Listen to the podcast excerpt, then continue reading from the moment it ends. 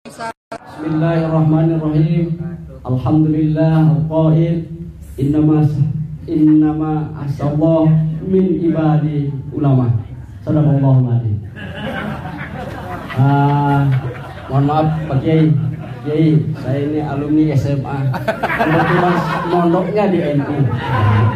Jadi Pak ayat-ayatnya agak biasa-biasa gitu. Alhamdulillahirrahmanirrahim Di tengah-tengah kita ini sudah hadir. Hampir di Indonesia ini mengenal beliau. Di era Kiai Abdurrahman Wahid almarhum Dan bersama Kiai Khalil Bisri Atau Kiai Gusmus Beliau ini mungkin ada yang belum kenal beliau.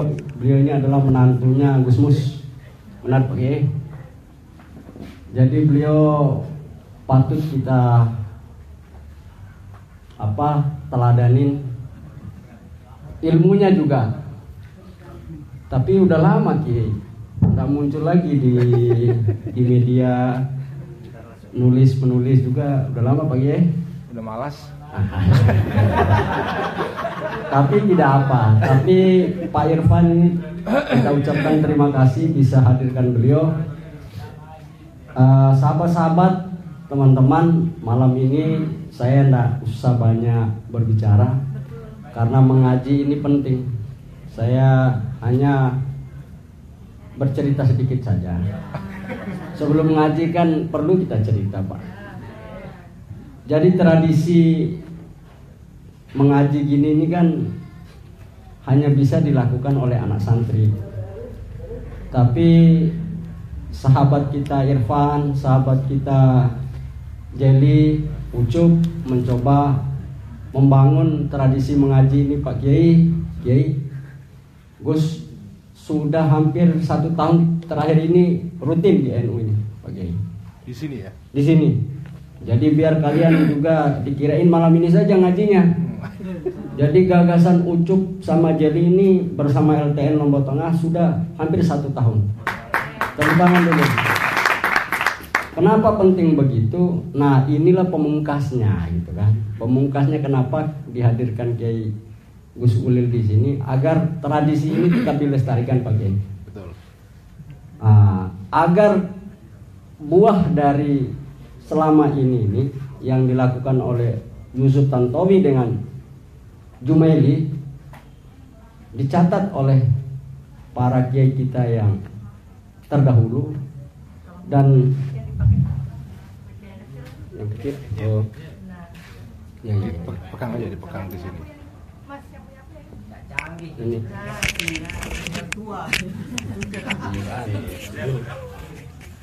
Pasang dua-duanya. Nanti pakai Masya Allah. Luar biasa ya ya ya ya ya ya ya kurang ke atas. Berarti banyak orang yang lihat muka kita ini. Wah. Se Indonesia ini. Jadi saya melihat muka-mukanya Pak Hafiz, Pak DPR Ahdiansa ini bisa terkenal saya ini. Ya, ya, ya kita cukupkan bercanda kita dulu. Kita serius mengaji.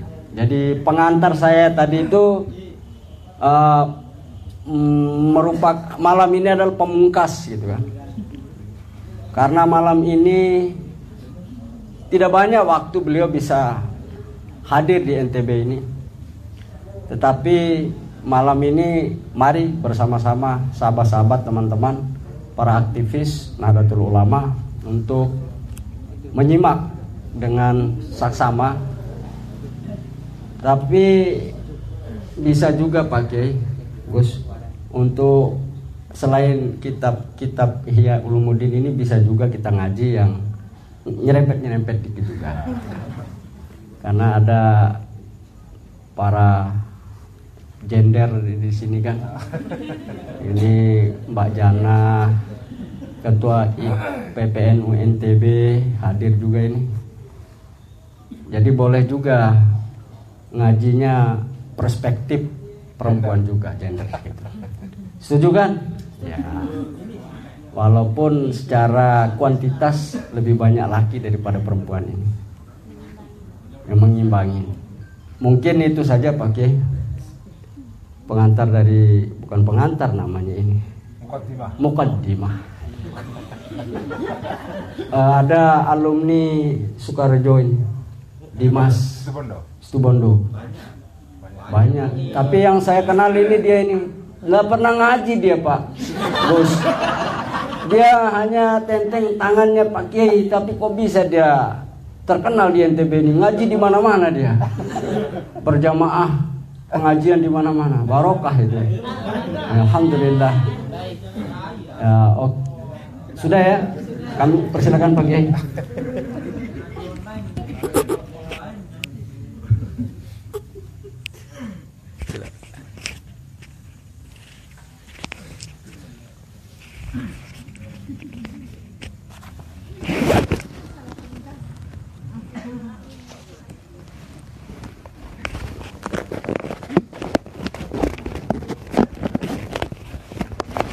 Ya.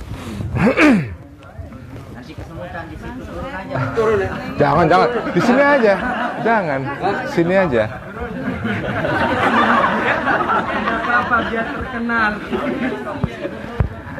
Assalamualaikum warahmatullahi wabarakatuh. Bismillahirrahmanirrahim. Alhamdulillahirabbil alamin. Wassalatu wassalamu ala ashrafil anbiya'i wal mursalin Sayyidina wa habibina wa maulana wa qurrati a'yunina Muhammadin Wa ala alihi wa ashabihi wa man tabi'ahum bi ihsanin ila yaumiddin Rabbi syrah li sadri wa yassir li amri wa hlul 'uqdatam min lisani yafqahu qawli Rabbi zidna ilma warzuqna fahma amin ya rabbal alamin para hadirin dan hadirat, sahabat-sahabat, teman-teman semua. Pertama-tama saya mengucapkan terima kasih kepada teman-teman yang sudah menyiapkan majelis Kopdar Ihya pada malam ini kepada teman-teman yang ikut pengajian lewat live streaming Malam ini saya ngaji Ihya dari kota Mataram di Lombok bersama teman-teman Nahdiyin, teman-teman NU di NTB di Mataram dan pengajian malam ini berlangsung di Universitas Nahdlatul Ulama dan dimoderatori oleh teman yang hebat ini. Saya sungguh merasa gembira sekali Tadi malam sudah bertemu dengan teman-teman Gus Durian, teman-teman uh, muda NU dan juga para aktivis yang lain dan malam ini saya bertemu dengan eh, teman-teman uh, dari uh, Mataram, dari UNU. Sebelumnya uh, acara malam ini ini acara tambahan karena acara utama yang saya yang wajib bagi saya yang fardu ain sudah lewat tadi pagi. Jadi ini bonus saja sebetulnya. Tapi ini bonus yang insya Allah lebih berbarokah. Karena malam ini kita ngaji kitab Ihya ya. Nah malam ini saya tidak mau serius. Saya mau santai saja. Uh, juga bagi teman-teman yang ikut ngaji Ihya secara live streaming malam ini mungkin saya tidak akan baca banyak kitab Ihya tapi saya ingin memberikan beberapa perspektif ya. Kenapa kita perlu belajar tasawuf itu? Kenapa kita perlu belajar ilmu kerohanian? Ada dua pendekatan ini penting sekali terutama buat aktivis ya teman-teman aktivis ini ini perspektif ini penting. Eh, teman-teman uh, semua um, ada dua pendekatan di dalam melakukan perubahan sosial ya. Dalam dalam melakukan transformasi atau perubahan sosial. Itu ada dua pendekatan. Ada pendekatan yang sifatnya keluar ya. Pendekatan yang sifatnya lebih Eh, mengarah kepada struktur dalam masyarakat yang ada di luar ini. ada pendekatan perubahan yang lebih ke dalam. Jadi ada yang keluar, ada yang ke dalam. nah, dua pendekatan ini menurut saya keduanya diperlukan. Ketika kita mempunyai suatu cita-cita untuk melakukan perbaikan dalam masyarakat, itu dua pendekatan ini tuh nggak bisa dipisahkan. Nah, pendekatan luar itu atau pendekatan yang arahnya keluar itu biasanya dikerjakan oleh ilmu-ilmu yang sifatnya juga ilmu-ilmu yang luar atau ilmu yang zohir ya ilmu-ilmu yang bersifat luaran nah ilmu-ilmu yang bersifat luaran ini bisa bersifat agama keagamaan dan juga bisa bersifat non keagamaan yang bersifat keagamaan itu misalnya yang paling kelihatan adalah ilmu fikih jadi ilmu fikih itu adalah ilmu yang tujuannya adalah untuk mengubah masyarakat, mengatur ketertiban kehidupan sosial berdasarkan ajaran agama, tapi yang disentuh adalah aspek zohir, aspek luar ya. Ini yang bersifat keagamaan. Nah yang bersifat non keagamaan banyak sekali. Ada ilmu misalnya ilmu sosial atau sosiologi. Itu juga ilmu yang penting dalam melakukan perubahan sosial kita butuh ilmu seperti ilmu sosiologi, ilmu kemasyarakatan ya, atau ilmu sejarah, ilmu politik misalnya, atau ilmu antropologi dengan berbagai pendekatan-pendekatannya. Nah, ilmu-ilmu yang bersifat luaran ini e, diperlukan untuk membangun aspek di dalam masyarakat yang tampak, yang kelihatan. Ya mengubah masyarakat di dalam aspek luarnya. Nah, ada perubahan, ada pendekatan perubahan yang tidak di luar tapi di dalam. Nah, yang di dalam ini itu perubahan di dalam ini itu tidak kalah pentingnya dengan perubahan yang di luar. Nah, perubahan di dalam ini biasanya menyangkut aspek mental manusia, aspek rohani. Nah, biasanya pendekatan ini itu banyak diikuti oleh ilmu-ilmu seperti tasawuf. Jadi orang-orang ahli tasawuf atau para sufi itu di dalam melihat perubahan sosial itu mereka lebih cenderung melihat ke dalam diri manusia. Mereka berpandangan bahwa perubahan di luar itu kalau tidak disertai dengan perubahan di dalam diri manusia itu perubahan semu. Kalau tidak ada perubahan di dalam struktur rohani manusia itu. Karena itu biasanya ini ciri-cirinya menarik menurut saya perlu diperhatikan terutama buat aktivis ya. Biasanya orang-orang ahli tasawuf para sufi itu di dalam melihat perubahan itu mereka pendekatannya itu lebih kecil, lebih mikro ya. Jadi misalnya yang diubah itu manusia individu. Masing-masing orang. Teorinya atau dasarnya adalah hadis yang terkenal itu ibda binafsik mulailah dari diri kamu. Kamu tidak bisa mengubah bangsa, tidak bisa mengubah masyarakat, tidak bisa mengubah eh, apa sekumpulan orang atau kolektivitas kalau kamu tidak mengubah individunya. Karena itu ilmu-ilmu tasawuf ini itu mungkin bagi orang yang suka dengan perubahan-perubahan pada tingkat struktural yang gede-gede gitu negara, masyarakat, sistem apalah itu kan gede-gede itu kan sesuatu yang besar-besar itu itu ilmu tasawuf itu mungkin dianggap terlalu ringan terlalu apa ya apa itu? Kecil gitu loh. Karena yang dibicarakan oleh para sufi itu kecil-kecil memang. Perubahan yang sifatnya menyentuh individu kecil sekali tapi bagi mereka itu sangat menentukan masyarakat e, menentukan arah ke depan dalam sebuah masyarakat. Misalnya bagian yang saya baca dalam kitab Ihya nanti ini, saya akan baca kitab Ihya ini setiap minggu, seminggu sekali.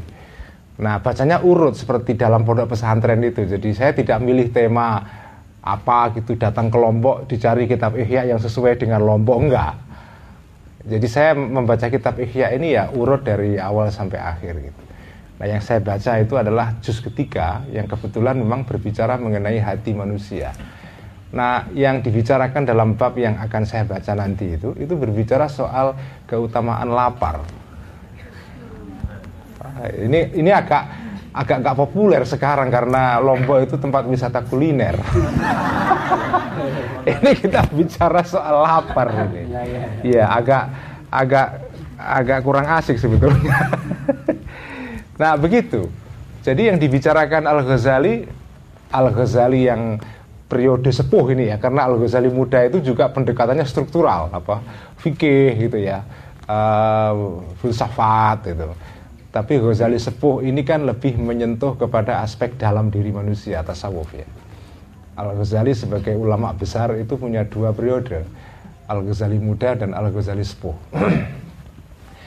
nah jadi jadi itu tasawuf itu atau ilmu kerohanian ini pendekatannya itu kecil manusia perorangan. Kamu tidak bisa mengubah suatu bangsa kalau kamu nggak mengubah orangnya. Nah, yang diubah, yang disentuh itu adalah hati manusia. Karena itu pembicaraan paling penting dalam ilmu tasawuf itu memang di sekitar hati manusia itu.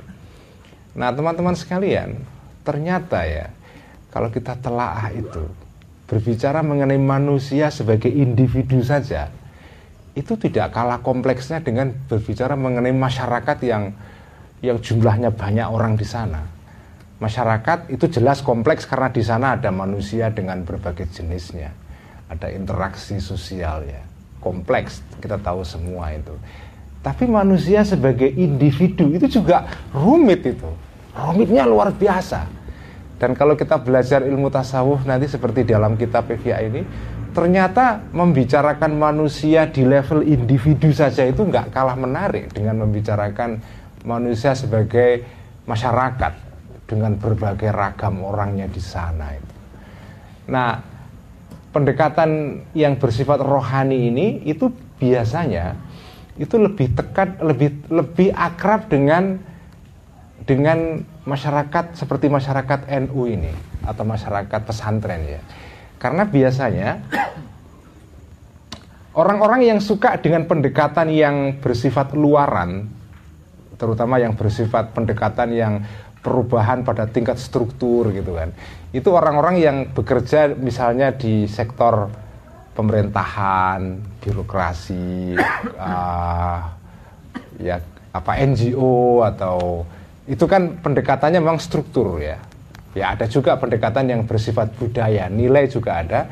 Tapi biasanya kalau orang-orang yang kerja di sektor negara, di sektor gerakan sosial itu bicaranya tentang perubahan-perubahan yang bersifat sistem, sistemik gitu. Nah, tapi kalau orang yang seperti kiai ya, tokoh-tokoh agama yang bekerja dengan masyarakat biasa sehari-hari dengan rakyat, dengan santri dengan warga warga masyarakat dalam kehidupan sehari-hari itu pendekatan mereka lebih banyak menggunakan pendekatan yang yang ini rohaniah ini pendekatan yang bersifat uh, kecil ya.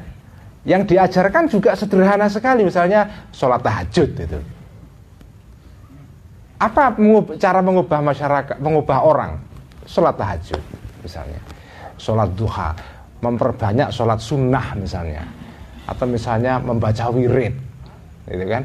Membaca Quran selawat. Nah itu juga penting membaca selawat misalnya uh, tahlil gitu. Jadi kalau kita bicara mengenai pendekatan yang kedua ini yang rohani ini itu langkah-langkahnya itu kecil-kecil gitu. Kecil-kecil sederhana. Di mata orang-orang yang bekerja di level struktur besar itu kelihatan mungkin sepele sekali. Perubahan sosial kok tahlil itu apa kaitannya gitu kan mungkin di, di, apa diremehkan oleh orang-orang yang suka berbicara mengenai teori-teori sosiologi yang gede-gede itu. Mungkin akan diremehkan itu. Tapi bagi saya bagi saya saudara-saudara sekalian ya para sahabat ya justru perubahan pada tingkat individu yang kecil-kecil ini ya yang dilakukan melalui tindakan-tindakan kecil seperti yaitu zikir, sholat tahajud, sholat duha, sholat sunnah, apa selawat misalnya, membaca barzanji, ya, uh, ziarah kubur itu. Itu kan kecil-kecil semua. Itu justru uh, punya pengaruh yang mendalam sekali di dalam membentuk seorang manusia sebagai individu itu. Nah, kadang-kadang perubahan-perubahan dengan hal-hal kecil begitu itu jauh pengaruhnya jauh lebih mendalam. Jauh lebih mendalam itu. Kalau kita lihat misalnya kan masing-masing bangsa itu kan punya ciri khas masing-masing ya bangsa Indonesia atau bangsa Jepang atau Cina atau Arab atau apa Persia, India itu kan punya karakter yang berbeda-beda. Dari mana karakter sebuah bangsa itu muncul? Misalnya itu ya pertanyaannya. Kenapa kok bangsa ada sebuah bangsa yang punya semangat kerja yang luar biasa besar, yang etos kerjanya tinggi sekali. Kenapa ada bangsa yang lebih rileks, lebih santai gitu? Kenapa kenapa itu semua? Ya tentu faktornya banyak, tapi salah satunya adalah karena pendidikan di tingkat keluarga, di tingkat masyarakat, di tingkat Eh, komunitas yang kecil-kecil seperti itu yang dilakukan melalui tindakan-tindakan yang kecil-kecil juga. Melalui ya tadi itu ritual ibadah melalui nyanyian melalui puji-pujian selawatan zikir dan seterusnya itu. Nah jadi kalau kita bekerja sebagai seorang aktivis itu harus menyadari dua pendekatan ini sekaligus. Pendekatan yang bersifat keluar pendekatan yang bersifat ke dalam. Nah, saya tidak mengatakan yang satu lebih penting daripada yang lain, tetapi menurut saya kalau kita ini posisinya adalah di masyarakat, apalagi kalau kita posisinya sebagai tokoh seperti kiai misalnya, itu pendekatan yang kedua ini jauh lebih penting diperhatikan. Itulah sebabnya kenapa kitab-kitab seperti kitab Ihya ini begitu populer diajarkan di komunitas Nahdiyin. Komunitas muslim tradisional ya. Dari dulu itu. Karena ya kitab Ihya ini memang yang disentuh itu ya manusia pribadi itu, perorangan itu. Karena teorinya orang sufi adalah kalau kamu bisa mengubah satu orang, kamu mengubah bangsa karena sering kali ya, nah ini tentu pen, dua pendekatan ini punya kelebihan dan kelemahannya. Pendekatan yang bersifat luar tadi itu yang bersifat uh, sistem gitu ya. Itu kelemahan dasarnya adalah sebuah sistem yang di dalamnya diisi orang-orang yang nilai yang dia anut tidak mendukung sistem itu, itu sistem itu nggak jalan. Seringkali kita misalnya dalam banyak kasus kan sering kali kita membuat undang-undang tapi undang-undang ini sebetulnya susah dijalankan karena orang-orang yang diatur oleh undang-undang ini sebetulnya nggak merasa perlu dengan undang-undang itu atau nggak merasa disentuh hatinya oleh undang-undang itu. Sehingga undang-undang ini seperti sesuatu yang bersifat eksternal. Dia tidak masuk ke dalam hati kita dalam hati manusia itu. Undang-undang ini ya diakali. Ya kalau dia ada kesempatan untuk ngakali akan diakali. Pada akhirnya apa? Ya undang-undang ini kemudian nggak jalan, nggak berfungsi sama sekali itu. Jadi sistem itu akan rusak kalau sistem itu sendiri tidak didukung oleh orang-orang yang percaya pada sistem itu.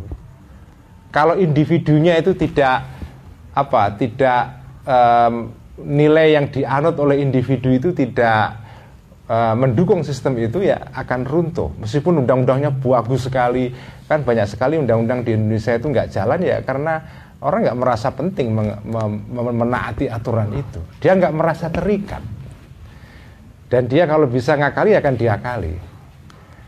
Jadi sistem yang bagus tetapi di situ orang itu punya nilai yang tidak baik dia akan membuat sistem itu runtuh.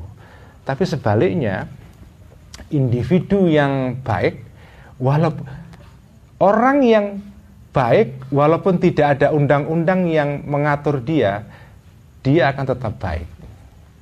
Tapi kalau ada undang-undang tapi orangnya tidak baik, moralnya tidak baik, maka undang-undang itu akan dikorupsi oleh orang ini. Meskipun orang yang percaya kepada pendekatan sistem, dia juga bisa berkata bahwa di dalam di dalam sistem yang jelek, eh, di dalam sistem yang jelek orang yang baik bisa rusak. Artinya kalau orang orang baik, orang soleh, tapi masuk dalam sistem yang jahat, pelan-pelan dia akan menjadi jahat. Itu juga betul juga ya, betul juga orang yang jahat masuk di dalam kantor dengan sistem yang rusak pelan-pelan. Mula-mula dia merasa aneh tapi tapi kemudian pelan-pelan ikut ikut ikut akhirnya menyukai sistem itu. Ikut rusak sekalian gitu ya. Itu jawaban orang yang yang memakai pendekatan sistem. Tapi juga bisa dikatakan sebaliknya. Sistemnya rusak tapi kalau orangnya baik dia nggak akan nggak akan mengikuti sistem yang rusak itu dia akan tetap jalan dengan kebaikannya ya. jadi itu uh, pentingnya kita belajar tasawuf menurut saya karena ya bagi saya penting juga kita berbicara tentang individu yang baik itu ya. bagaimana membangun apa itu moralitas ya kesadaran moral uh, kan ada yang kata-kata begini um, kalau manus kalau masyarakat itu isinya adalah apa itu ya uh, kalau masyarakat itu isinya adalah malaikat semua sebetulnya kan nggak diperlukan itu uh, demokrasi atau undang undang-undang itu kan diperlukan kalau orang-orang itu memang sudah nggak bisa diatur kecuali dengan aturan memang. Orang yang baik itu sebetulnya kan dia ad, Orang yang baik, orang yang soleh itu adalah undang-undang itu sendiri.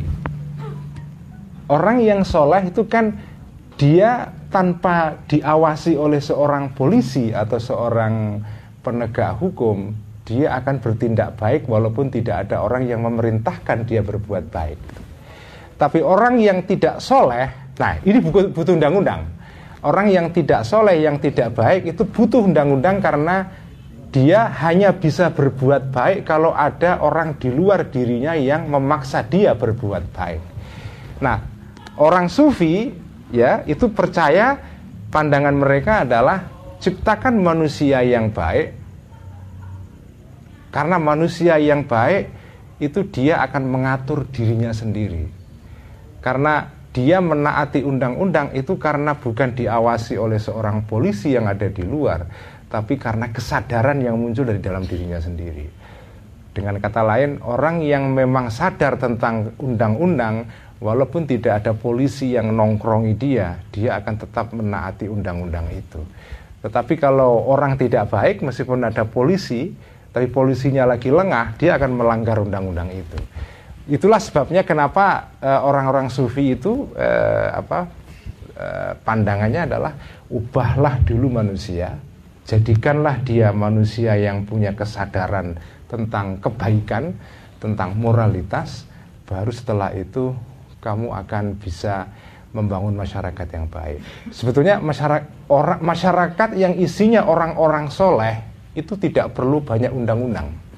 Kalau nggak perlu banyak undang-undang, kita nggak usah mendanai DPR untuk membuat undang-undang setiap. Itu kan mahal undang-undang itu sebetulnya. Mahal, mahal. mahal sekali. Per undang-undang itu biayanya mahal banget, miliaran itu.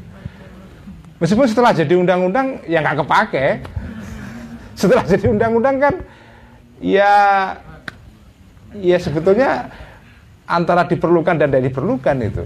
Kadang-kadang sudah jadi undang-undang orang-orang itu mengakali saja kalau bisa bagaimana tidak di tidak mengikuti undang-undang itu dengan cara menyogok atau apa pun ya. Ada undang-undang, ada endeng-endeng di sini. Oh gitu ya. Jadi begitu. Jadi orang yang soleh itu sebetulnya secara ekonomi ngirit sebetulnya.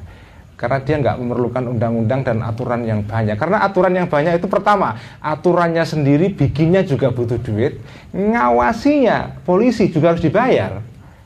Jadi ada biaya untuk pengawasan. Jadi mahal itu apa biaya untuk menegakkan membuat undang-undangnya sendiri mahal menegakkan undang-undang sendiri dengan adanya kepolisian penegak hukum itu juga mahal juga itu.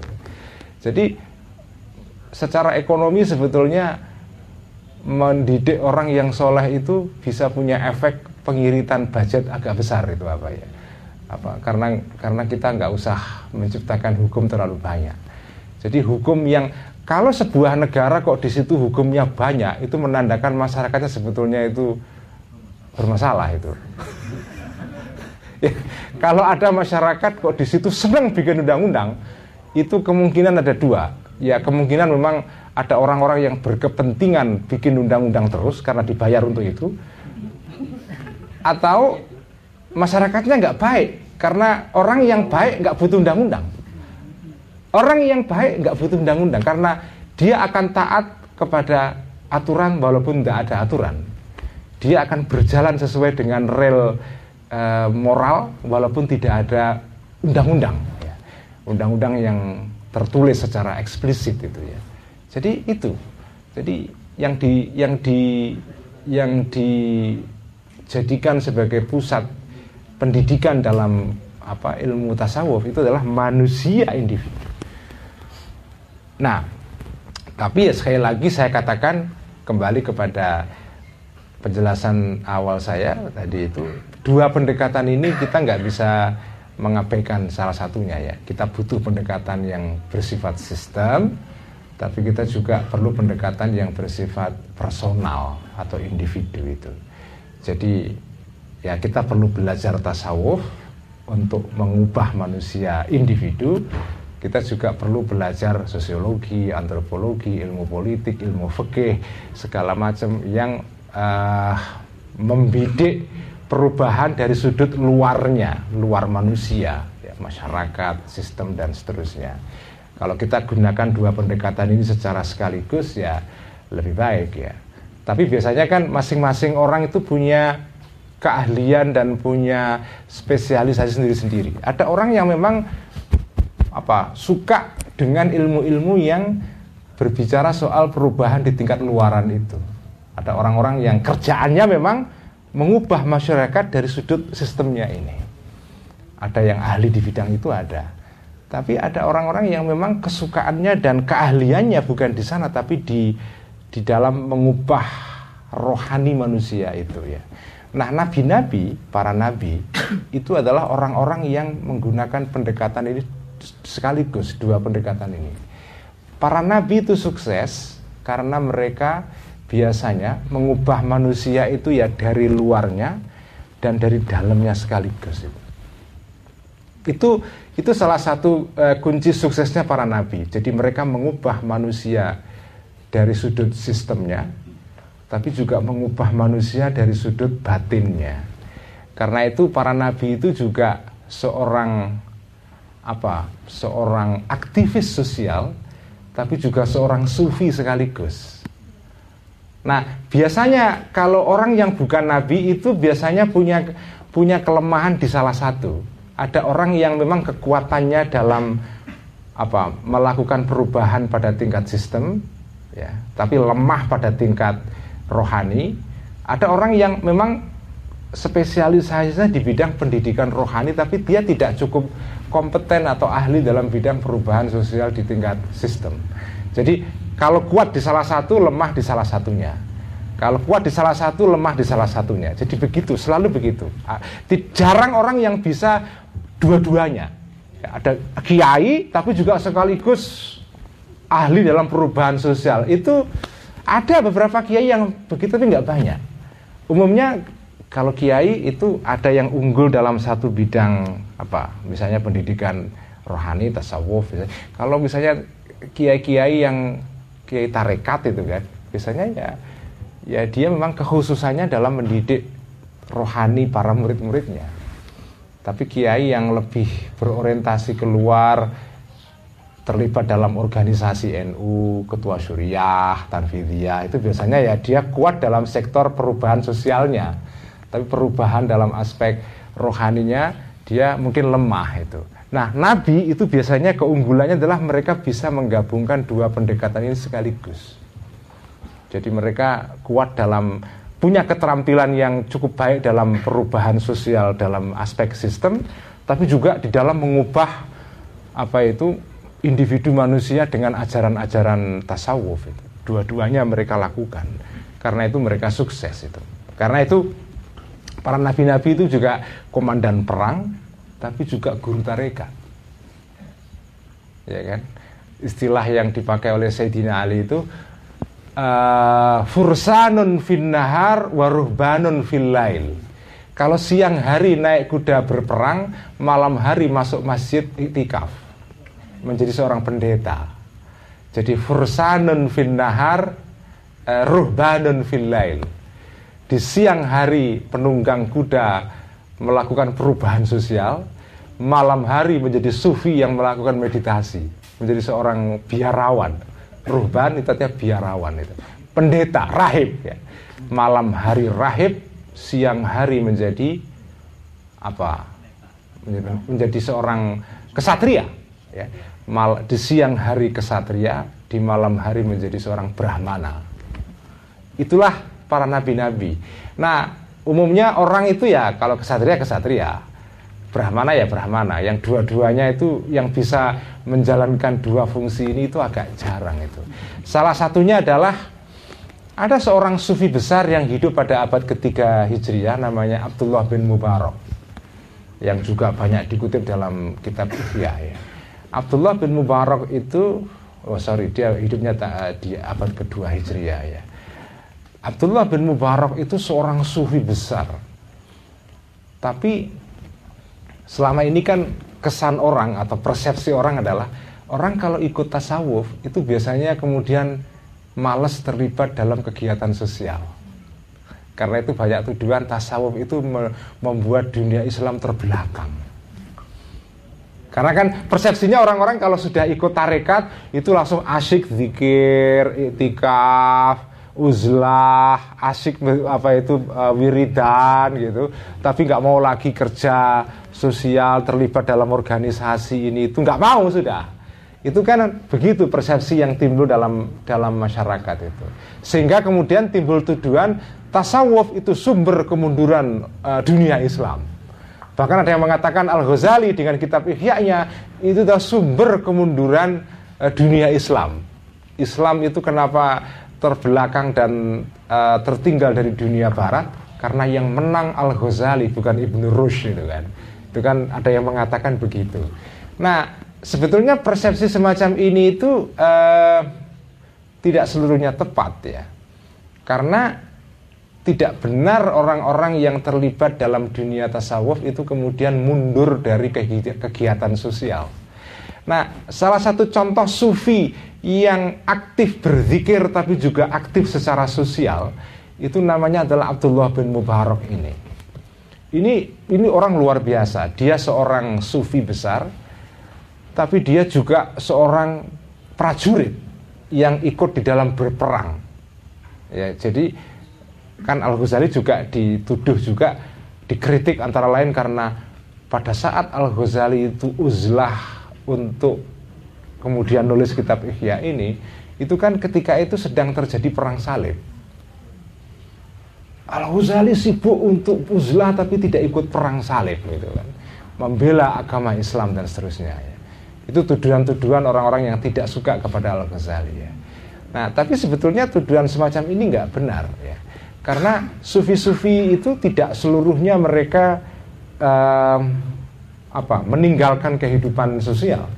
Ada beberapa sufi yang juga walaupun dia sufi menekuni tarekat tapi juga terlibat aktif di dalam kegiatan sosial.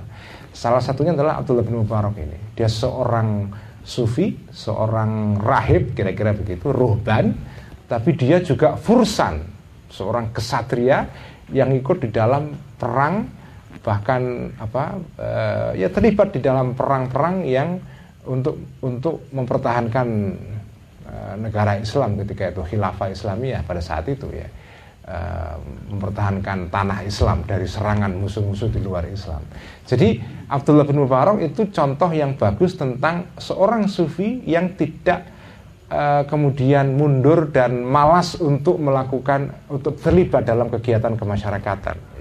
Dan banyak sekali contoh-contoh sufi-sufi yang sebetulnya itu walaupun dia uh, aktif dalam kegiatan rohani, ya, apa beribadah, bermunajat, berzikir dan seterusnya, tapi dia juga terlibat aktif dalam kegiatan sosial itu. Dan sebetulnya kitab Ikhya ini yang dikehendaki bukan membuat orang itu mundur dari kegiatan sosial gara-gara dia terlibat dalam kegiatan tasawuf, tapi se sebetulnya tasawuf itu justru menjadi uh, alat untuk memperbaiki kita di dalam kegiatan sosial kita. Ya. Jadi tasawuf ini sebetulnya fungsinya adalah bukan membuat kita mundur dari kehidupan sosial, supaya kita menyingkir, kita mengungsi, berjarak dari kehidupan masyarakat. Bukan itu. Tapi kita terlibat dalam kehidupan sosial, tapi kita kita hati kita itu adalah hati seorang sufi. Jadi badan kita aktivis tapi hati kita sufi. Sebetulnya itu maksudnya itu. Jadi kita kita terlibat di dalam kehidupan ramai bersama masyarakat tapi hati kita dibentuk oleh ajaran-ajaran sufi yang agung ini. Jadi bukan begitu kita menjadi seorang sufi terus kemudian meninggalkan kehidupan sosial. Itu itu salah sekali ya. Tentu saja ada orang-orang yang memang mungkin karena makomnya, karena gini manusia itu kalau kita belajar kitab hikam karangan Syekh Ibnu Athaillah Sakandari itu manusia itu kan sebetulnya punya makom masing-masing. Dan manusia akan bahagia kalau dia tahu makomnya nah makom itu maksudnya apa ada orang-orang itu yang memang makomnya, maksudnya makom itu tempat yang diberikan oleh Allah kepada orang itu. Makomnya itu memang ya berkegiatan di dalam kehidupan sosial. Dia menjadi guru, dia menjadi seorang pengusaha, dia menjadi seorang uh, birokrat, menjadi seorang politisi, menjadi seorang akademisi, uh, peneliti dan seterusnya. Orang yang memang ditempatkan oleh Gusti Allah untuk berada di dalam masyarakat. Makomnya di situ. Ada orang yang makomnya itu nggak di situ. Gusti Allah menempatkan dia itu sebagai orang yang memang tugasnya menjadi seorang yang uzlah, menyingkir khusus tugasnya adalah untuk munajat kepada Allah, berzikir seterusnya. Nah, kata Ibnu Athaillah, kalau kamu tempatnya itu di dalam kehidupan sosial atau yang disebut dengan makom apa itu ya uh, apa makom al asbab ya itu namanya istilah yang dipakai oleh para sufi-sufi termasuk Ibnu Athaillah kalau makom kamu itu makom asbab. Artinya apa asbab itu? Makom kamu adalah berusaha berada di tengah-tengah masyarakat mengajar aktivis lingkungan misalnya ya aktivis gender itu itu itu namanya makom asbab itu. Nah kamu itu makom kamu di situ, kemudian kamu kepengen jadi seorang sufi yang menyingkir dan uzlah. Kalau kamu makomnya makom sosial, kemudian kamu kepengen uzlah, itu kata Ibnu Athaillah itu sebetulnya sebentuk kemalasan tapi yang diberi baju agama. Kelihatannya uzlah itu agama, berzikir, wiridan, etikaf di masjid, menyingkir dari kehidupan sosial. Itu kan seolah-olah, wah keren sekali kan. Wah ini kayak wali. Padahal enggak. Ini sebetulnya sejenis kemalasan. Malas nggak mau kerja di masyarakat karena makomnya di situ. Terus menyingkir, kepengen ambil jalan pintas yang enak, kemudian uzlah. Itu namanya kemalasan itu. Ya. Nah sebaliknya kalau kamu makom kamu itu ditempatkan oleh Allah itu sebagai seorang yang memang tempatnya adalah uzlah. Makomnya adalah apa? Makom yang tawakal. Artinya tidak ditugaskan oleh Allah untuk terlibat dalam kegiatan sosial. Makom kamu adalah makom uzlah. Ya. Makom yang tawakal tapi kemudian kamu ikut-ikutan di dalam kegiatan sosial tidak makom kamu, itu namanya kamu turun derajat. Apa inhitatun anil himmatil aliyah itu dalam bahasa kitab hikam ya. Kamu turun derajat. Karena begini, orang yang makomnya uzlah itu nggak banyak. Gusti Allah itu sudah ngatur, nggak tahu bagaimana ya. Gusti Allah itu sudah gini. Sekarang kita lihat aja dalam kehidupan sosial ini kan. Orang itu lihat aja itu orang yang orang yang daftar di fakultas-fakultas yang orientasinya terapan dan langsung kerja itu pasti jumlahnya lebih banyak daripada yang kuliah di fakultas-fakultas yang ilmunya nggak jelas itu apa? Antropologi itu kan nggak jelas itu. Filsafat apa itu filsafat itu kan? Dengan sendirinya itu masih sedikit. Teologi filsafat apa uh, arkeologi. Arkeologi sih masih lumayan ya. Itu ilmu terapan itu. Tapi misalnya filsafat apa matematika. Itu kan ilmu yang dalam bahasa tasawuf itu uzlah itu. Itu sedikit. Gusti Allah itu sudah ngatur. Orang-orang yang terjun di dalam bidang-bidang yang yang seperti ini ya yang itu kan kegiatan atau bidang keilmuan yang menyingkir dari kehidupan sosial itu. Isinya isinya mikir aja apa berteori apa. Itu kan begitu itu namanya uzlah itu. Itu jumlahnya pasti lebih sedikit daripada orang yang memang ditempatkan oleh Allah di dalam makom sosial. Belajar akuntansi. Itu sebabnya kenapa kalau di UIN atau Yayan itu fakultas ekonomi Islam bisnis itu jauh lebih banyak yang daftar. Tarbiyah di mana-mana pasti lebih banyak mahasiswanya daripada fakultas usuluddin bener nggak eh, fakta itu kan itu sebetulnya menunjukkan bahwa orang yang ditempatkan oleh Allah di dalam makom sosial itu jauh lebih banyak daripada yang di makom uzlah. Karena yang uzlah itu memang nggak perlu banyak-banyak, tapi mereka perlu. Kalau dunia nggak ada orang uzlah ini repot. Karena ini kalau orang sufi ya, orang sufi itu memandang dunia ini tidak seperti kita kita orang sufi itu, ya oh, Anda boleh percaya atau nggak percaya, oh, namanya ini ini pandangan kan ya. Tapi Pak, saya percaya pandangan ini. Orang sufi itu memandang bahwa dunia ini tertibnya, tertibnya itu bukan sekedar karena ada seorang penguasa, ada presiden, ada menteri, ada kabinet, ada polisi, ada kejaksaan, ada peradilan, ada ini semua. Ada orang-orang yang ngatur dunia dari segi lahiriahnya. Ada ekonom, ada pedagang, ada pegawai negeri, ada birokrat. Ya betul, itu yang membuat dunia teratur. Ada pak polisi yang ngatur lalu lintas. Itu itu keteraturan dunia di aspek lahiriahnya. Tapi bagi pandangan sufi nggak hanya itu. Dunia itu tidak akan teratur kalau hanya dengan itu dok. Kalau nggak ada orang yang wiridan, selawatan, zikir sendirian di kamar berjam-jam yang memang nggak banyak jumlahnya orang seperti ini. Karena ini ini orang spesial sebetulnya kan.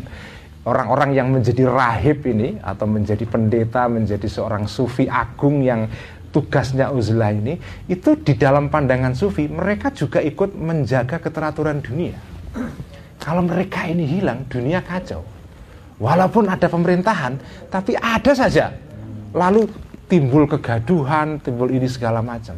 Makanya di dalam dunia para wali-wali itu ada istilah namanya wali kutub. Al-Aktob, wali kutub. Apa wali kutub itu? Wali kutub itu wali yang menjadi semacam patoknya dunia. Memang nggak banyak mereka ya.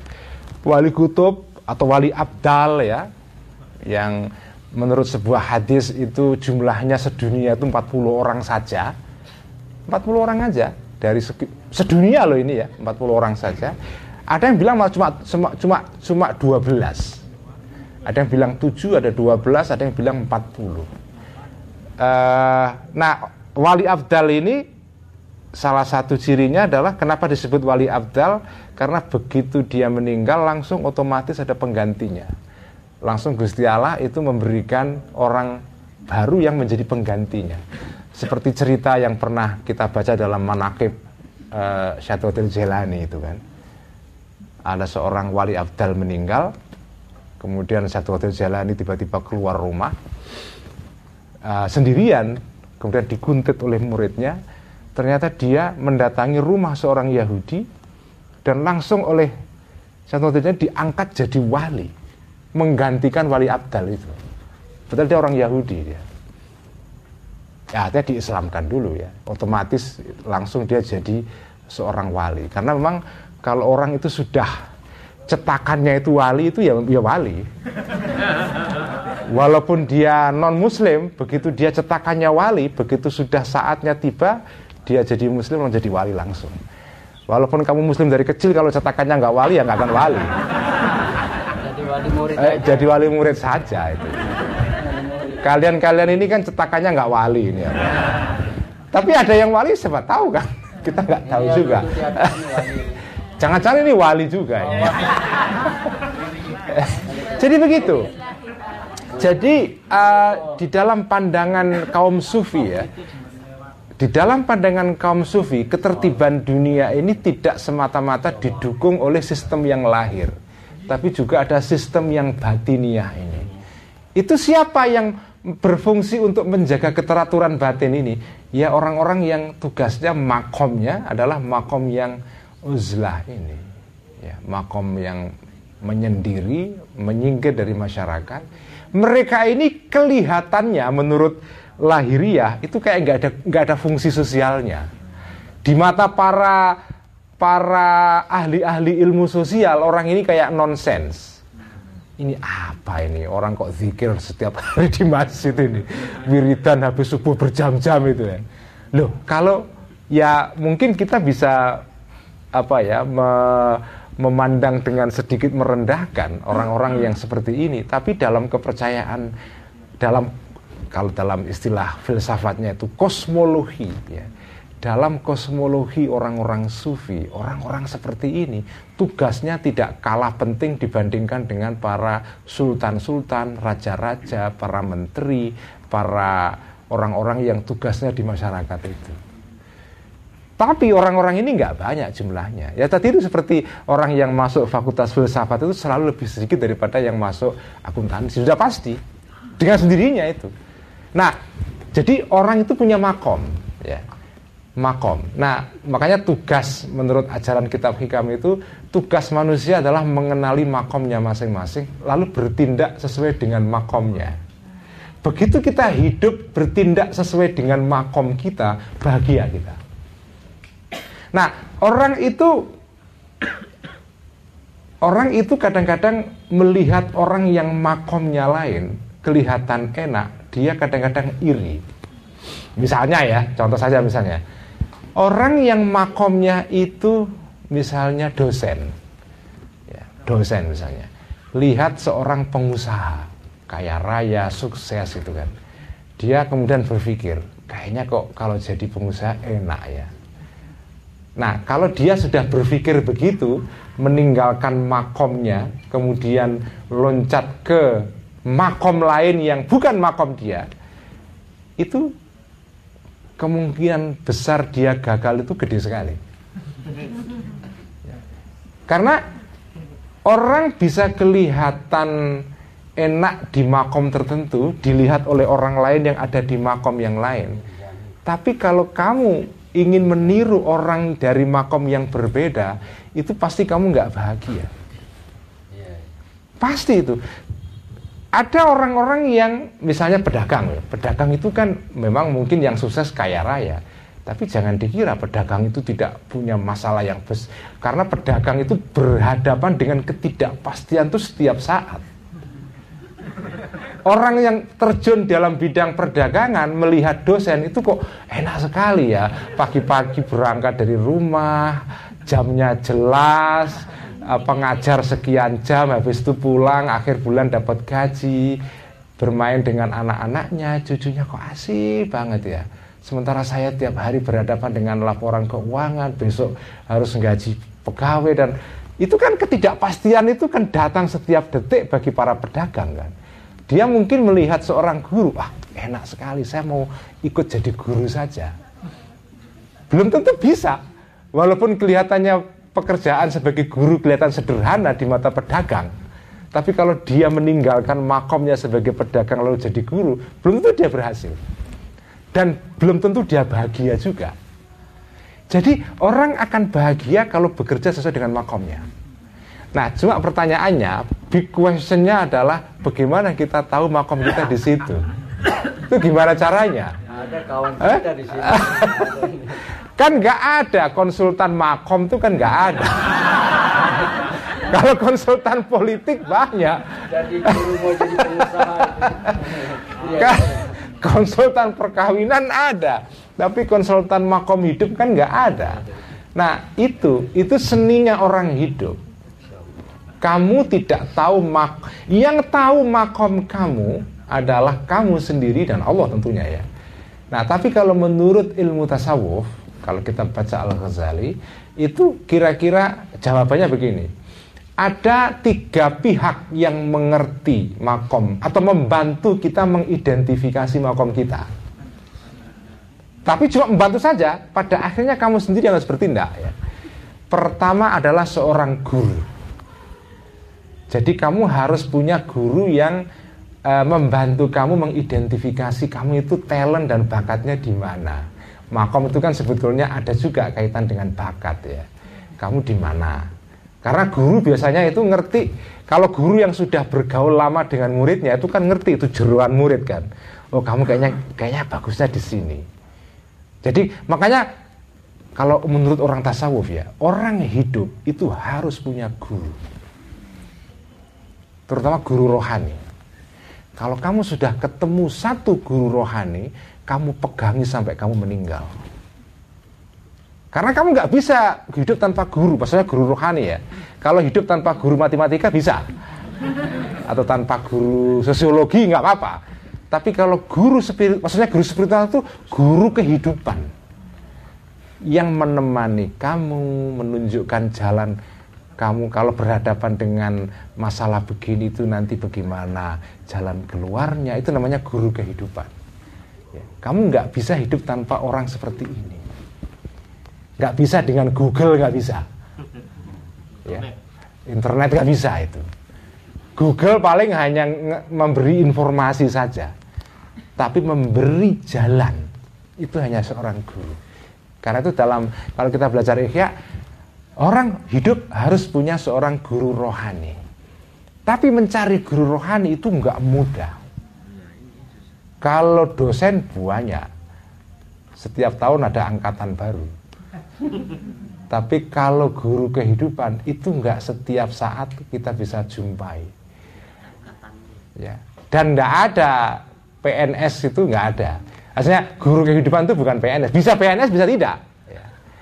Nah, Tugas kamu adalah kamu mencari guru seperti ini. Kalau sudah ketemu, kamu pegangi sampai kamu meninggal. Karena dia inilah yang akan membawa kamu selamat dunia akhirat. Jadi pertama, untuk mengenali makom kamu, kamu harus tahu seorang guru itu. Kedua, yang bisa membantu kamu untuk mengidentifikasi makom kamu adalah teman tapi teman yang betul-betul teman yang memang bisa dipercaya. Bukan teman di Facebook. Itu itu tidak teman namanya itu ya. Friend saja. Tetapi friend itu hanya nama saja itu. Namanya friend tapi tidak friend ya. jadi teman tapi yang dalam istilah ikhya itu disebut sebagai sodikun sodukun. Teman yang jujur. Artinya apa?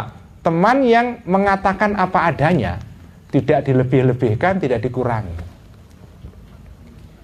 Nah, teman seperti ini itu adalah bisa mendampingi kamu untuk mengidentifikasi makom kamu. Yang ketiga, kamu sendiri. Jadi tiga ini yang bisa membantu kamu untuk uh, mengidentifikasi makom kita itu. Memang nggak mudah, ya. Tapi kalau kamu sudah ketemu, oh saya makom saya di sini, dah, kamu hidup di situ, itu kamu jalani sampai kamu tua sampai meninggal, insya Allah kamu akan bahagia itu. Nah, makom itu kalau sudah ketemu itu ya harus dijalani dengan konsisten dengan penuh komitmen ya. Kalau makom kamu memang makom sebagai seorang birokrat, lakukanlah itu sebaik-baiknya. Nah, apa itu tasawuf?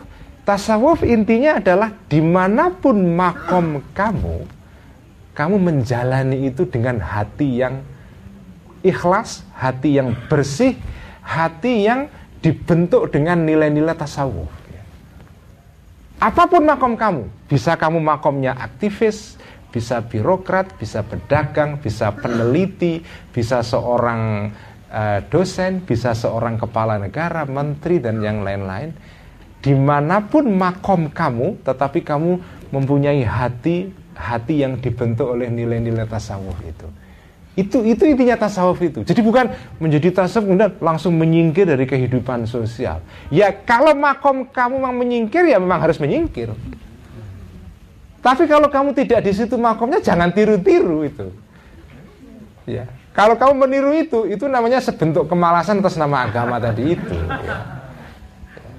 Karena ada orang yang malas kerja alasannya karena karena karena itikaf misalnya kan, supaya kelihatannya keren walaupun malah sebenarnya dia nggak punya kerjaan tapi supaya kelihatan nggak apa nggak malu lalu ya diberi baju agama itikaf gitu, lalu nggak mau cari kerjaan. Padahal makomnya dia harus kerja. Itu namanya itu setan yang memakai baju agama.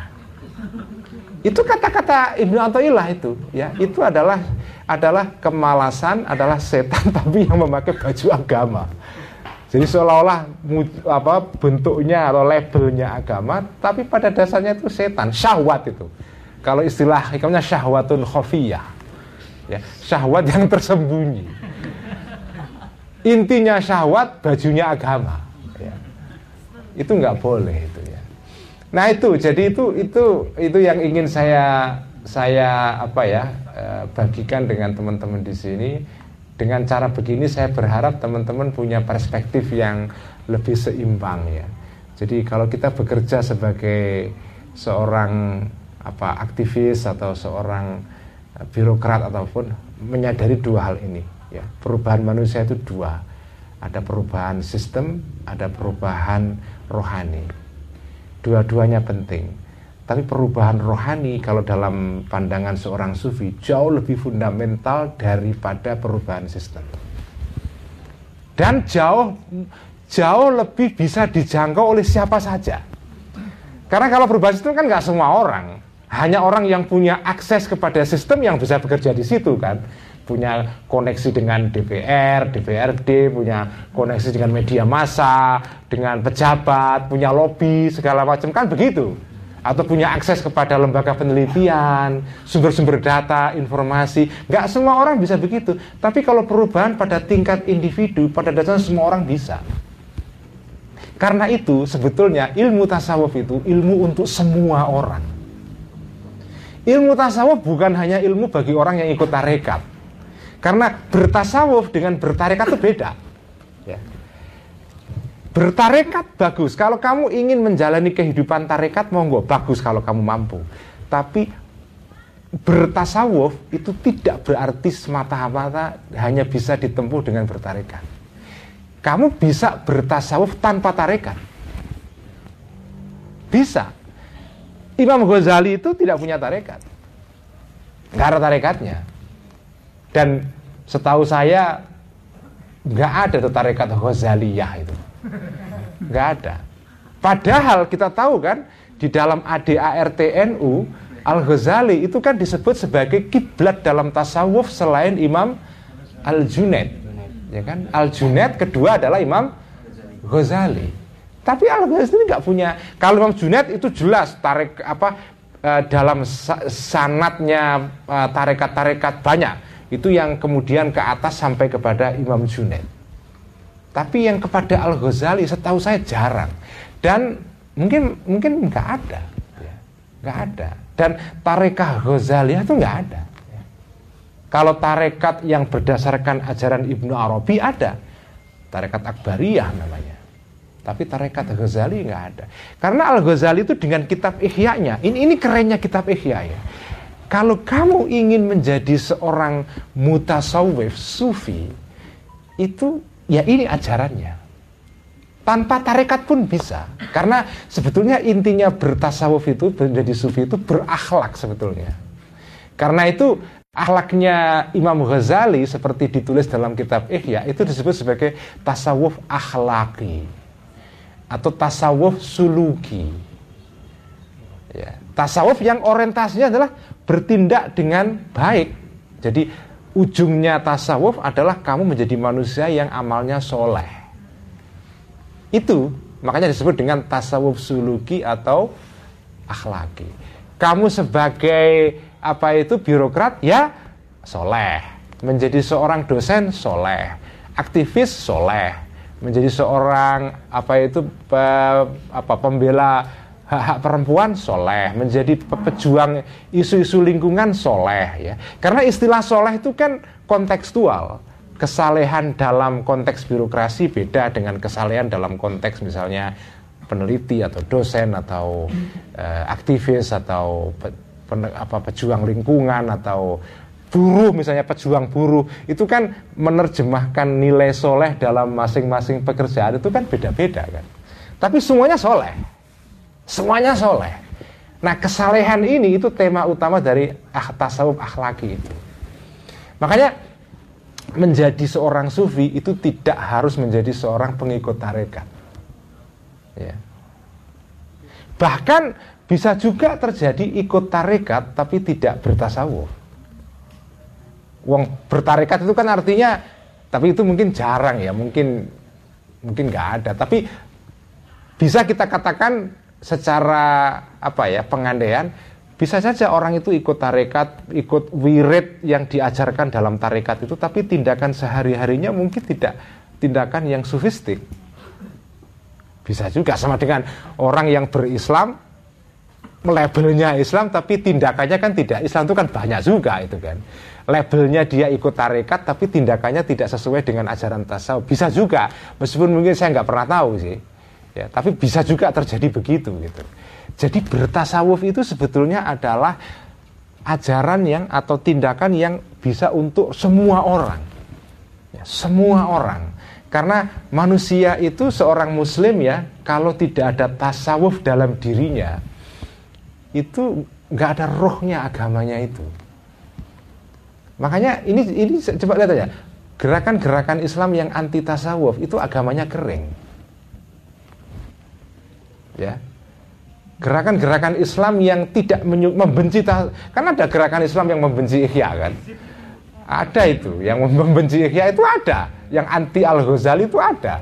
Karena dianggap Al Ghazali ini bukunya kitab Ihya-nya ini banyak hadis maudhu di dalamnya atau banyak ajaran-ajaran yang tidak sesuai dengan ajaran Islam yang murni ya murni itu istilah mereka kan nah itu dianggap ini ini bukan ajaran Islam gitu. Nah, karena itu membenci kitab ihya. Nah, lihat orang-orang atau gerakan-gerakan Islam yang membenci tasawuf itu biasanya keberagamaannya itu cenderung da, apa kering ya. Tidak ada tidak ada wiridannya, nggak ada zikirnya, nggak ada pujian-pujiannya, nggak ada nyanyian-nyanyiannya gitu. Itu kan kering gitu karena musik, zikir itu kan identik dengan agama di mana saja. Kalau kamu lucuti agama dari dimensi dimensi kesufian yang biasanya dimensi kesufian itu akrab dengan kesenian. Ya kan? Makanya kenapa Wali Songo itu kok kok kan sebagian Wali Songo itu yang bahkan ada yang menciptakan salah satu instrumen gamel kan. Sunan Bonang itu kan menciptakan salah satu instrumen gamelan itu kan Sunan Bonang. Dan memakai musik Jawa sebagai alat untuk dakwah. Karena memang di dalam kalangan sufi-sufi itu itu musik atau ya dalam istilah orang-orang tasawuf disebut dengan asama mendengarkan musik itu sebetulnya alat untuk me, me, menjadi alat yang membantu kita untuk untuk mendekatkan diri kepada Allah itu karena musik yang tepat itu bisa mengkondisikan batin kita untuk berkomunikasi dengan Tuhan karena itu dalam tarekat yang disebut dengan tarekat Maulawiyah yang berdasarkan kepada ajaran Maulana Rumi dari mana? Turki, Konya ya. Itu kan salah satu ritualnya kan menari kan. Ya kan? Darwish itu dengan di apa disertai dengan musik yang khas itu. Karena musik yang tepat itu mendekatkan kita kepada Allah. Ada musik yang menjauhkan kita dari Allah, ada yang mendekatkan kita dari Allah. Makanya kalau disebut musik haram mana dulu? Musik yang mendekatkan kita kepada Allah bukan haram, sunnah malah. Malah harus kita kita dengarkan supaya itu memfasilitasi kita untuk dekat kepada Allah itu ya. Nah, mari kita baca sedikit ya ya, supaya ada rasa Al Ghazalinya gitu ya. Mari kita baca sebentar, tapi dimulai dengan menghadiahkan Al-Fatihah dulu kepada Imam Ghazali eh, dan juga kepada para aulia, kepada Sultanul Aulia Syamsuddin Al-Jailani, kepada para wali songo, pada wali-wali yang di mana pun termasuk di Nusa Tenggara Barat dan juga kepada para muassis pendiri Nahdlatul Ulama, para pendiri jamiah Islam yang lain, jamiah Nahdlatul Waton dan jamiah-jamiah yang lain, juga para muallif, para orang-orang tua kita, guru-guru kita, teman-teman kita lahumul Fatihah. A'udzu billahi minasyaitonir rajim. Bismillahirrahmanirrahim. Alhamdulillahirabbil alamin arrahmanir rahim maliki yaumiddin. Iyyaka na'budu wa iyyaka nasta'in ihdinas siratal mustaqim siratal ladzina an'amta 'alaihim ghairil maghdubi 'alaihim waladdallin amin. Ini yang gelap-gelapan nggak bisa lihat pasti ya. Bisa ya. Ya, baca sedikit lah. Bismillahirrahmanirrahim. Qala al-muallifu rahimahullahu taala wa nafa'ana bihi wa bi 'ulumihi fid dharain amin. Rabbi yassir wa ain. Kita akan baca di halaman 971 di baris paling akhir ya. Sebetulnya agak rugi itu moto satu halaman, moto kopi satu halaman tapi yang dibaca cuma satu baris saja. Yang halaman 971 tapi nggak apa-apa. Yaitu dimulai dengan eh, ini kalimat al-faidatus sabiatu ya. Ini kita berbicara mengenai manfaat-manfaat lapar secara spiritual ya. Apa itu faedah yang berkaitan dengan lapar itu? Al faidatus sabiatu faedah ketujuh ya. Yang ketujuh faedah lapar adalah taisirul muwazafati memudahkan untuk melanggengkan konsisten ya alal ibadati terhadap ibadah. Jadi orang itu kalau dalam kondisi lapar itu lebih kondusif untuk beribadah daripada kalau kenyang Biasanya kalau perut terlalu penuh itu kita membuat rohani kita atau pikiran kita itu terbebani. Tapi begitu perut kosong itu lebih ringan kita melakukan sesuatu. Karena itu ajaran kajian Nabi kan kalau makan itu sepertiga untuk makanan, sepertiga untuk minuman, sepertiga untuk ruang kosong untuk. Untuk anu ya Pak, untuk udara. Ya. Ya kayak anu lah. Kalau bangun perumahan itu kan jangan dihabiskan semua untuk perumahan. Ada fasum. Wah itu kan istilahnya kan. Ada fasilitas umum. Ada fasos. Fasilitas sosial. Jangan dibangun rumah semua. Nanti nggak ada serapan untuk hujan. Apa? Nggak iya juga boleh itu. Bahkan aturan untuk Bangunan pun begitu, jangan semua lahan itu dibangun rumah semua. Sisakan sedikit untuk fasum dan fasos. Jadi kalau sepertiga seperti ajaran kanji Nabi itu sisakan untuk udara, itu kira-kira sisakan untuk fasum dan fasos. Jangan diisi makanan semua, nanti tidak ada ruang untuk serapan. Ya, itulah. Jadi salah satu manfaat lapar adalah memudahkan mengkondisikan kita untuk lebih giat beribadah itu. Fa'inal akla karena sesungguhnya makan yang berlebihan maksudnya ya yamna'u itu bisa mencegah min kasrotil ibadati dari banyak ibadah. Dengan sendirinya begitu ya. Li'annahu karena sesungguhnya makan orang yang makan makanan itu sendiri yahtaju butuh ila zamanin kepada waktu yastahilu ya halaman berikutnya ila zamanin kepada waktu yastahilu yang sibuk yang uh, bekerja ya seseorang maksudnya orang yang makan fihi di dalam zaman dalam waktu tadi itu bil akli dengan makan. Minimal orang kalau makan itu kan makan kan butuh waktu. Apalagi kalau makannya banyak uh, pilihan-pilihannya banyak itu kan baru milih menu saja sudah sudah butuh waktu itu. Itu loh kalau kita ke restoran itu kan baru lihat menunya itu kita ini makan yang apalagi kalau menunya menu asing ini apa ini. kalau kita masuk restoran Jepang itu kan nggak ada yang paham kita. kalau restoran apa Sunda atau Madura atau apa jelas sudah ya. ya apa ayam taliwang selesai udah ya kan ayam taliwang gitu kan. Tapi kalau masuk restoran yang restoran yang pilihannya menunya aja bisa 10 halaman itu kan repot kita. Baru lihat menunya aja sudah sudah bingung kita ya. Karena akhirnya milih apa pak? Seperti teman saya. Saya ikut teman saya saja. Temannya bingung juga. Jadi baru baru lihat menu saja sudah butuh waktu. Nanti setelah di setelah itu baru untuk menunggu masa aja sudah butuh waktu lagi kan? Kalau makanan yang kategorinya fine dining itu kan paling enggak setengah jam. Untuk begadang satu jam ya. Belum makannya nanti. Jadi kira-kira di total seluruhnya ya satu jam lebih untuk makan saja itu. Jadi makan itu butuh waktu untuk makan dan ini Al Ghazali belum kenal restoran modern ini.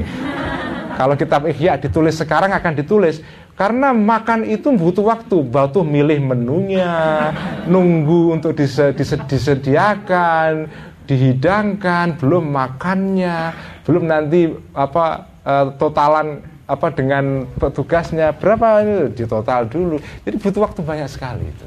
Jadi makan itu membutuhkan waktu panjang itu. Nah kalau makan sering makan kan waktu yang kita butuhkan lebih banyak lagi. Artinya wasting time, me, apa, menyia-nyiakan waktu sebetulnya. Warubbama yahtaju. Dan kadang-kadang butuh orang yang makan ini ila zamanin kepada waktu. Apalagi kalau dia misalnya makan masak sendiri dia butuh waktu fi it'ami untuk membeli makanan. Watop maksudnya bahan-bahannya. Watophi dan memasak makanan. Masaknya sendiri dia butuh waktu itu. Apalagi kalau masakan menu yang rumit kayak menu Asia itu kan. Masakan Asia itu kan masakan Indonesia ya tidak semua sih tapi kalau yang versi yang penuh itu kan wah itu ribetnya minta ampun kan. Kalau masakan orang Italia itu kan kalau pasta kan tinggal godok. Pasta langsung kasih bumbu selesai paling seperempat jam udah bisa dihidangkan tapi kalau masak alam taliwang aduh lama itu ya.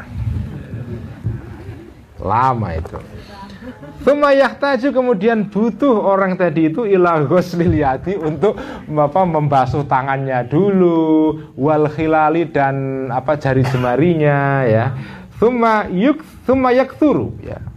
Kemudian kalau sudah makan semua yaksuru kemudian menjadi banyak tardaduhu wirawirinya orang yang makan ini ila baitil ma'i kepada uh, toilet maksudnya uh, rumah rumah air maksudnya toilet ya.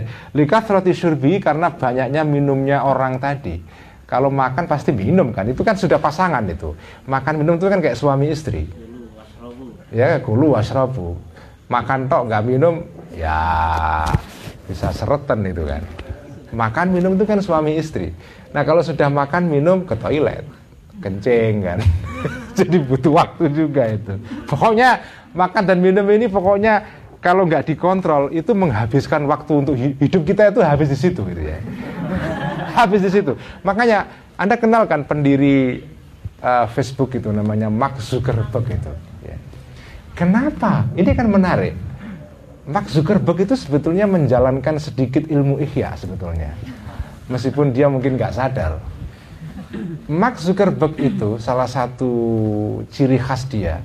Ke mana pun dia itu pasti pakai kaos yang sama.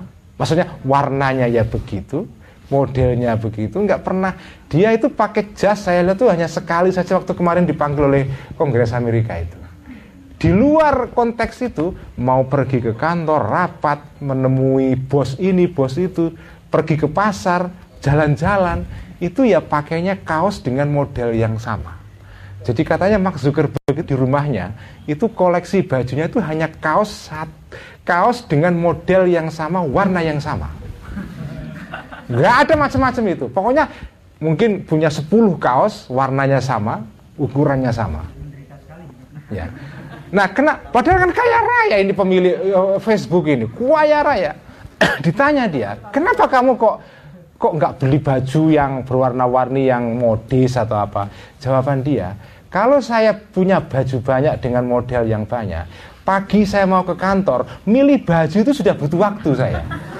Tapi kalau baju saya cuma satu itu tok jenisnya, pokoknya sudah pakai itu selesai. Sudah nggak mikir-mikir. Ini ini istri saya ini kalau pergian bingung ini. Hari ini mau oh, kalau mau pergi ini, wah hari ini pakai baju apa ya? itu bagi orang seperti Mark Zuckerberg yang waktu itu sangat berharga. Kalau waktu bagi kalian kan nggak berharga, karena kebanyakan waktu, waktunya surplus. Kalau Mark Zuckerberg ini kan waktunya kan oh berharga sekali, kurang itu 24 jam itu. Jadi untuk mengefisiensikan hidupnya dia, udah saya nggak mau beli baju macam-macam, satu jenis saja. Pokoknya pergi-pergi pagi-pagi udah nggak akan keliru karena cuma satu tok itu model bajunya. Jadi itu mengirit waktu, mengirit waktu apa, mengirit um, apa ya jam atau menit yang dibutuhkan dia untuk milih baju yang mana, modelnya yang mana kan. Ada kan orang itu yang sampai kalau hari Senin ini, hari Selasa ini, hari wah serumit itu apa. Ya, jadi kalau bagi Mark Zuckerberg sayang kalau hidup dihabiskan hanya untuk mikir baju mana yang saya pakai pada hari ini. nah itu sebetulnya ilmu ihya itu. Ya, ilmu ihya itu. Jadi kalau dalam konteks tadi ini makan. Jadi makan itu butuh waktu. Jadi kalau bisa sederhanakan saja. Makan makanya makan hati. Iya, mak, kalau bisa ya sudah makan satu jenis satu jenis saja ya supaya nggak usah mikir menu macam-macam semuanya cepat. Udah ini saja gitu. Jadi supaya yang tidak habis waktu kita untuk memilih menunya dan segala macam itu. Wal auqatu dan waktu-waktu al masrufatu yang di uh, di, di apa di diarahkan maksudnya dipakai ya ilahada kepada tadi semua ini makan dan milih untuk untuk beli untuk masak untuk beli makan untuk memasak dan seterusnya. Lau sorofa jika uh, mengarahkan orang ya ha kepada al auqat waktu-waktu tadi itu ilah zikri kepada zikir maksudnya kalau dia bisa mengirit waktu itu dengan cara mengefisiensikan waktunya seperti yang dilakukan oleh Mark Zuckerberg itu, dia bisa menggunakan waktu itu untuk ilah zikri kepada zikir, maksudnya untuk hal-hal lebih lebih positif, lebih bermanfaat maksudnya daripada sekedar mikir mana baju yang harus saya pakai hari ini itu itu terlalu terlalu sayang waktu untuk untuk mending untuk baca ya itu jauh lebih bermanfaat itu ya. Jadi kalau kita lihat begini kan, sebetulnya sufi-sufi itu sangat menghargai waktu sekali. Bagi para sufi itu waktu itu waktu itu sangat berharga. Gak boleh waktu itu dibiarkan berlalu tanpa ada. Sebetulnya etosnya orang sufi ini itu persis seperti orang modern yang kerja di sektor yang modern itu kayak kayak Mark Zuckerberg ini. Bagi Mark Zuckerberg, cuma kalau Mark Zuckerberg kan untuk dunia, jadi waktu itu kalau bisa diefisiensikan, jangan dibuang-buang untuk hal yang tidak perlu. Sufi juga sama. Waktu itu jangan dibuang-buang untuk hal yang tidak esensial. Kurangilah bagasi hidup kamu itu seminimal mungkin. Supaya kamu tidak sibuk ngurusi bagasi hidup itu. Karena begitu bagasi hidup kamu itu keberatan, itu kamu tersibuk dengan ngurusi bagasi, hidupnya kelewat, hidupnya kemudian terlewat. Enggak keurus itu ya. Jadi bagi sufi ini ini teori waktu ya ini penting sekali ini filsafat waktu di, bagi orang-orang sufi waktu itu begitu berharga sampai terlalu sayang untuk dipakai untuk hal-hal yang tidak esensial seperti soal makan, masak, milih menu segala itu tuh nggak esensial itu. Ya tentu saja maksudnya ini tidak hidup nggak boleh wisata kuliner enggak ya Ya, ini ini bukan artinya begitu. Ya, wisata kuliner boleh, tapi jangan terlalu berlebihan, kira-kira gitu ya. Jadi kalau seandainya waktu itu dipakai untuk zikir ya, wal munajati dan munajat, maksudnya bersendirian dengan Allah ya, wasairil ibadati dan semua ibadah, maka lakathuro akan banyak ribhu keuntungan orang itu. Keuntungan rohaninya maksudnya bukan keuntungan dunia ya. Qala Asariyu As-Saktiyu. Berkata Asariyu Imam Asari, ini maksudnya Asari As-Sakti ini seorang sufi besar, wali besar dari Baghdad yang hidup pada abad 3 Hijriah tahun 200-an. Jadi kira-kira hidupnya ya 300-an tahun sebelum Al-Ghazali atau 250 tahunan sebelum Al-Ghazali. Ini sufi yang terkenal sekali, Asari As-Sakfi ya. Ini seorang sufi besar dari Baghdad apa kata dia roa itu lihat aku ya ma'a apa itu uh, beserta apa itu uh, beserta Ali al Jurjani beserta Imam Ali al Jurjani ya. Uh, sawiqan ya aku lihat sawiqan gandum gandum ya. Uh, tadi mana ya? Roa itu lihat aku ma'alin bersama Imam Ali al Jurjani, Ali al Jurjani sawiqon uh, gelepong atau apa itu uh, gandum. Yastafu yang apa ya? Uh, uh, yastafu yang apa? Me, apa itu? Me, ya seperti makan itu ya apa di di di mood itu apa ya. Ya. Minhu dari apa dari uh, sawik ini dari gelepong dari gandum itu ya. Fakultu maka berkata aku ma hamalaka ala hadha ma apakah sesuatu hamalaka yang mendorong sesuatu tadi ka kepada engkau? Hadha ala hadha terhadap pekerjaan seperti itu. Kamu menjumputi apa itu ya uh, gandum tadi itu ya. Kala berkata, ya, kenapa kok kamu ya nggak dimasak maksudnya gandum mentahan itu loh di dimakan gitu ya, nggak dimasak dulu dija, dibuat jadi apa? Jadi bakpia apa bakpia apa? Jadi bakpao atau jadi apalah. Kenapa kamu kok makan mentahan kira-kira gitu ya? Masa makan gandum mentahan itu? Kala berkata Ali Al-Jurjani juga seorang sufi juga ya Dari kota Jurjan ini adalah kota tempat dulu gurunya Al-Ghazali Yaitu Imam Haromen ya Beliau dulu uh, gurunya Al-Ghazali selama, selama hidup ya Sampai meninggal Al-Haromen itu di kota Jurjan di daerah Iran sana. Ini kata Ali Al Jurjani, ini sesungguhnya aku habas tuh ya. Eh hasib tuh ya hasib tuh ini sesungguhnya aku hasib tuh ya uh, hasib tuh menghitung aku ya ma waktu bainal madhi antara apa itu? Antara mengunyah. Bainal madhi antara mengunyah. Ilal istifafi terhadap apa itu me, menelan ya. Memakan kemudian menelan langsung. Maksudnya jadi dia makan gandum yang sudah ditumbuk sehingga dimakan nggak perlu ngunyah, langsung lek apa ya. Ya. Jadi nggak nggak ada waktu yang dibuang-buang untuk ngunyah kira-kira gitulah. Ini agak ekstrim sebetulnya. ngunyah itu sudah waktu sendiri. Nah, aku hitung antara ngunyah sampai menelan itu Sab'ina 70 tasbihatan tasbih Jadi kalau saya kunyah penuh sampai saya telan ya itu kalau saya hitung itu bisa untuk untuk membaca 70 eh, apa itu tasbih ya.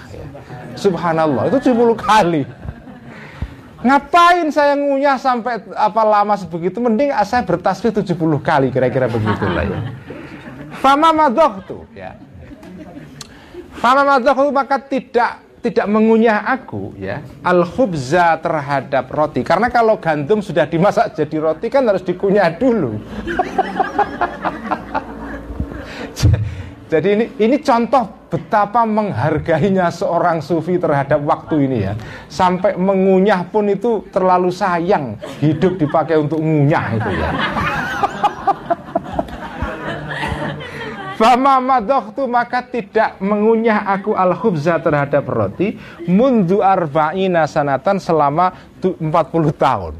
Jadi 40 tahun ini uh, apa? Ini kayaknya baterainya habis ini.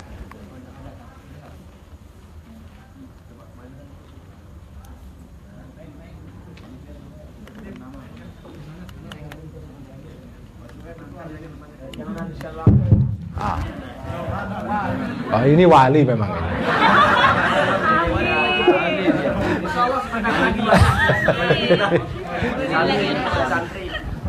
jadi ini menarik sekali ya. Uh, jadi 40 tahun Ali Al Jurjani ini nggak pernah makan pakai ngunyah. Jadi ya lambungnya seperti apa itu pertanyaannya itu ya. ya tapi tapi cerita seperti ini ini kan ini cerita apa ya? Saya, saya kalau menceritakan tentang hal seperti ini itu selalu saya kasih keterangan begini ya. Orang-orang yang dikutip oleh Al Ghazali ini di sini Asari Asakti, Sahal Atustari, Abu Yazid Al Bustami, Fudel bin Iyad, ini kan wali-wali agung yang kalau di analogikan dengan pemain bola itu ya kelasnya itu Cristiano Ronaldo, Lionel Messi, apa Neymar gitu ya, apa Pogba atau begitu. Bukan pemain bola kampung di Mataram gitu enggak. Ini wali agung sekali. Jadi kalau mereka seperti ini ini ya maklum. Kalau orang sekelas kalau orang sekelas Cristiano Ronaldo itu latihan bolanya itu itu kalau kita orang biasa itu ngeri sekali kan nggak akan kuat kita melihat disiplin dia untuk latihan apa ya uh, uh, bola itu gitu yeah. Tapi denger kok ya? Didengar lah. Suaranya keras kok. Jadi begitu. Uh, nah, tentu saja kalau untuk ukuran kita ini kan bukan pemain bola profesional ya. Kita ini kira-kira ya penonton bola saja kan. Di dalam konteks, maksud saya di dalam konteks uh, kehidupan sufi yang seperti ini, kita ini bukan orang yang memang kelasnya kelas sufi besar. Kita ini penonton saja. Tapi ajaran yang termuat di sini, contoh yang seperti ditunjukkan oleh Ali Al-Jurjani ini, itu bisa kita, kita ambil intinya. Tentu saja kalau kita niru dia nggak kuat lah. Sama aja kalau kita meniru jadwal latihannya orang-orang seperti Messi gitu ya kita akan ngeri nggak kuat kita. Nggak kuat pasti kita nggak kuat karena kita memang bukan di situ makomnya kan? Tapi tentu saja disiplin yang dilakukan oleh orang-orang sekelas itu meskipun kita nggak bisa sampai ke sana tapi bisa kita jadikan model. Kita terapkan untuk dosis kita gitu loh nah intinya dari cerita ini adalah ya kita menghargai waktu sebegitu besarnya sehingga setiap detik yang ada dalam hidup kita itu kita hitung betul itu kalau bisa setiap waktu itu ada gunanya Jangan sampai kita melewatkan waktu untuk hal-hal yang tidak esensial ya. Tapi ini kalau untuk teman-teman NU agak terlalu berat ini apa ya? Karena kita kan di NU ini ada tradisi kongko, ngobrol, cangkruan atau apa gitu ya, guyonan. Menurut saya itu penting juga ya, penting juga itu ya. Ya itu itu ada ada waktu untuk begitu, tapi tidak semua hidup kita kan kita habiskan untuk seperti itu ya. Jadi intinya setiap detik dan menit dalam hidup kita itu kalau bisa dihitung seketat mungkin. Jangan ada uh, waktu yang terbuang secara percuma. Ini menurut saya moral atau pelajaran esensial dari uh, kisah yang dikisahkan oleh Al Ghazali di sini itu. Ini ini menarik sekali Al Al Adi Al Jurjani ini ya. Kala eh tadi mana? Fandur ya Fandur maka lihatlah. Ini ini ini sudah kata Al Ghazali ini, bukan kata Asari Asakti ini. Uh, fandur maka lihatlah. Kaifa ashfaqa. Kaifa bagaimana ashfaqa sayang. Uh, Ali Al-Jurjani tadi itu ala waktihi terhadap waktunya Ali Al-Jurjani walam yudoyi dan tidak menyia-nyiakan Ali Al-Jurjani hu terhadap waktunya tadi itu fil di dalam mengunyah makanan dia nggak menyia-nyiakan waktu untuk mengunyah makanan. Kalau bisa makanan itu ya langsung bleng masuk ke perut itu. bubur kira-kira gitu ya. Ya, jadi jangan roti, bubur saja itu. Makin cepat masuk ke perut makin baik itu. Wa kullu nafasin dan setiap nafas ya, minal umri dari umur kita adalah jauharatun adalah mutiara nafisatun yang berharga. Laki mata yang tidak ada harganya lah bagi jauhara tadi. Ini mutiara yang berharga sekali yang yang nggak bisa dinilai itu ya. Fayam bagi maka seyogianya an yastaufia untuk uh, memanfaatkan secara sempurna ya. Uh, seseorang minhu dari uh, umur tadi itu uh, atau anyastofia untuk memanfaat menarik ya mendapatkan minhu dari umur tadi itu khizanatan perbendaharaan atau gudang bahagiatan yang abadi la akhirat fil akhirati dalam akhirat nanti la akhirat yang tidak ada akhir lah bagi khizana atau gudang tadi itu nah bagaimana caranya wadzalika dan yang tersebut tadi apa yaitu istifa tadi mengambil sebagai gudang tadi itu adalah caranya bisorfi dengan cara mengarahkan waktu ila zikrillahi kepada zikir kepada Allah wa taati dan taat kepada Allah tadi itu. Saya kira cukup sekianlah ya. Satu paragraf eh, cukup. Yang penting kita sudah merasakan eh, kitab Ihya ya.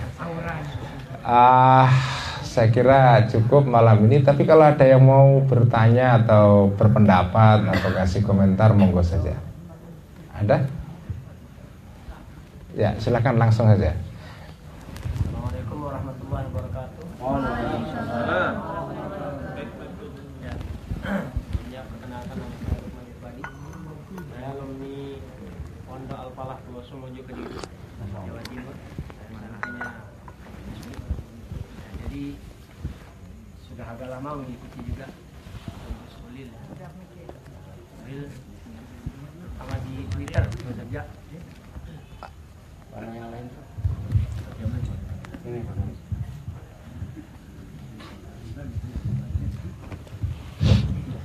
Assalamualaikum warahmatullahi wabarakatuh. Sekali lagi perkenalkan nama saya Lukman, saya alumni Pondok Al Falah, Bosomojo Kediri, Jawa Timur. Eh, sebelumnya sudah agak lama mengikuti Gus Ulil terutama di Twitter ya, karena belum pernah ketemu dan hari ini pertama ketemu juga. Alhamdulillah. Terima kasih buat panitia yang mengadakannya. Jadi seperti mimpi dan bertemu lagi di sini, bisa bertemu di sini. Barakah amin.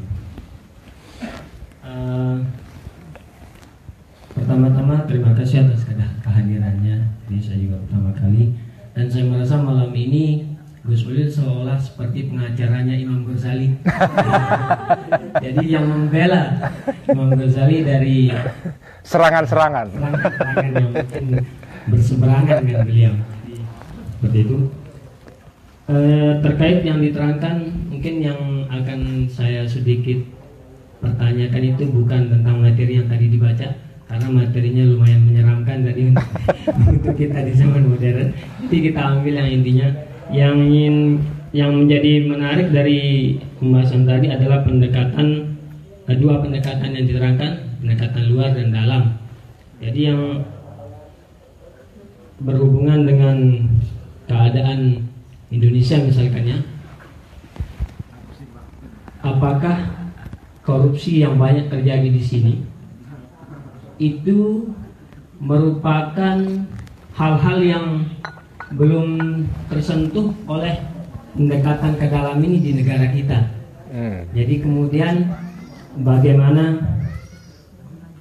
terutama karena beberapa gus-gus NU mulai turun gunung kelihatannya karena beberapa waktu lalu saya mengikuti langsung Gus Muafik di Sesela itu saya hadir juga jadi ini ada apa juga dengan NU yang jagoan-jagoannya mulai turun gunung ah, jadi terkait seperti korupsi tadi kemudian bagaimana NU memiliki andil untuk secara tidak dalam rohani saja berzikir dan tahlil dan lebih kepada hal-hal yang sifatnya sistematis mengubah wajah Indonesia terutama masalah korupsi. Ya. Ya, terima kasih. Kurang lebihnya sama maaf. Assalamualaikum warahmatullahi wabarakatuh. Ini langsung saya jawab ya, penting soalnya ini. Langsung ya. Uh,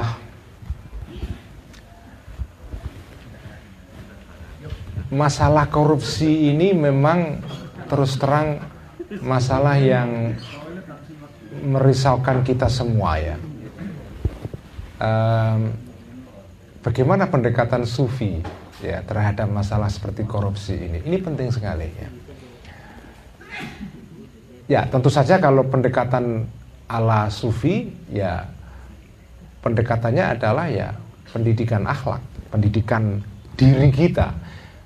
Nah akhlak itu kata Al Ghazali ya, apa definisi akhlak? Kalau kita baca dalam kitab Ihya, ya definisi akhlak itu, yang disebut dengan akhlak itu adalah istilah Al Ghazali dalam bahasa Arabnya itu hayatun rosikhotun. Jadi yang disebut dengan akhlak itu adalah satu keadaan rohani yang menetap, yang permanen, ya keadaan yang permanen hayatun rosikhotun yang keadaan ini membuat seseorang itu melakukan sesuatu dengan mudah alamiah tanpa dibuat-buat. Jadi kalau misalnya ada orang akhlaknya adalah dermawan misalnya, itu ketika dia punya akhlak dermawan, dia itu melakukan tindakan memberi orang. Itu seperti kita makan, minum, atau bangun tidur, pergi mandi, itu kan ketika kita pergi mandi setiap hari itu kan nggak perlu mikir. Begitu mandi, mandi saja. Nggak ada, ini mandi gimana ya? Pakai sabun nggak ya? kan nggak ada orang mandi begitu kan. Mandi sudah otomatis saja. Seperti orang yang sudah biasa pergi dari rumah ke kantor tiap hari. Itu kan nyaris di jalan tuh kan nggak mikir, ini belok kiri apa kanan jadi tubuh kita sudah menyatu dengan kita dan jalan. Sehingga tanpa bahkan kita ngelamun pun itu sampai ke kantor itu. Ya, saya sering kali itu uh, dulu ketika saya masih ngantor, sekarang saya pengangguran, Pak ya. Nggak kantor lagi. Dulu saya masih ngantor itu, saya sering kali pergi ke kantor atau pulang ke kantor dari rumah dari kantor ke rumah. Saya gak mikir. Saya pernah kaget, tuh kok sampai rumah saya? Saya nyetir itu nggak mikir saya. Tahu-tahu kok sampai rumah ya selamat itu ya. Itu namanya hayatun rasihatun. Keadaan yang menetap dalam diri kita yang membuat kita melakukan sesuatu itu secara alamiah. Kalau akhlak kita dermawan, memberi itu itu seperti orang mandi, memberi aja. Nggak dipikir-pikir. Dan menetap. Karena kalau nggak menetap itu namanya bukan akhlak. Kalau orang menjadi dermawan selama pilek saja misalnya, itu bukan akhlak namanya. Ada kan orang yang orang jadi dermawan karena pemilu. Lepas pemilu nggak dermawan lagi. itu namanya bukan hayatun rosihotun itu. Akhlak itu syaratnya adalah harus hayatun rosihotun.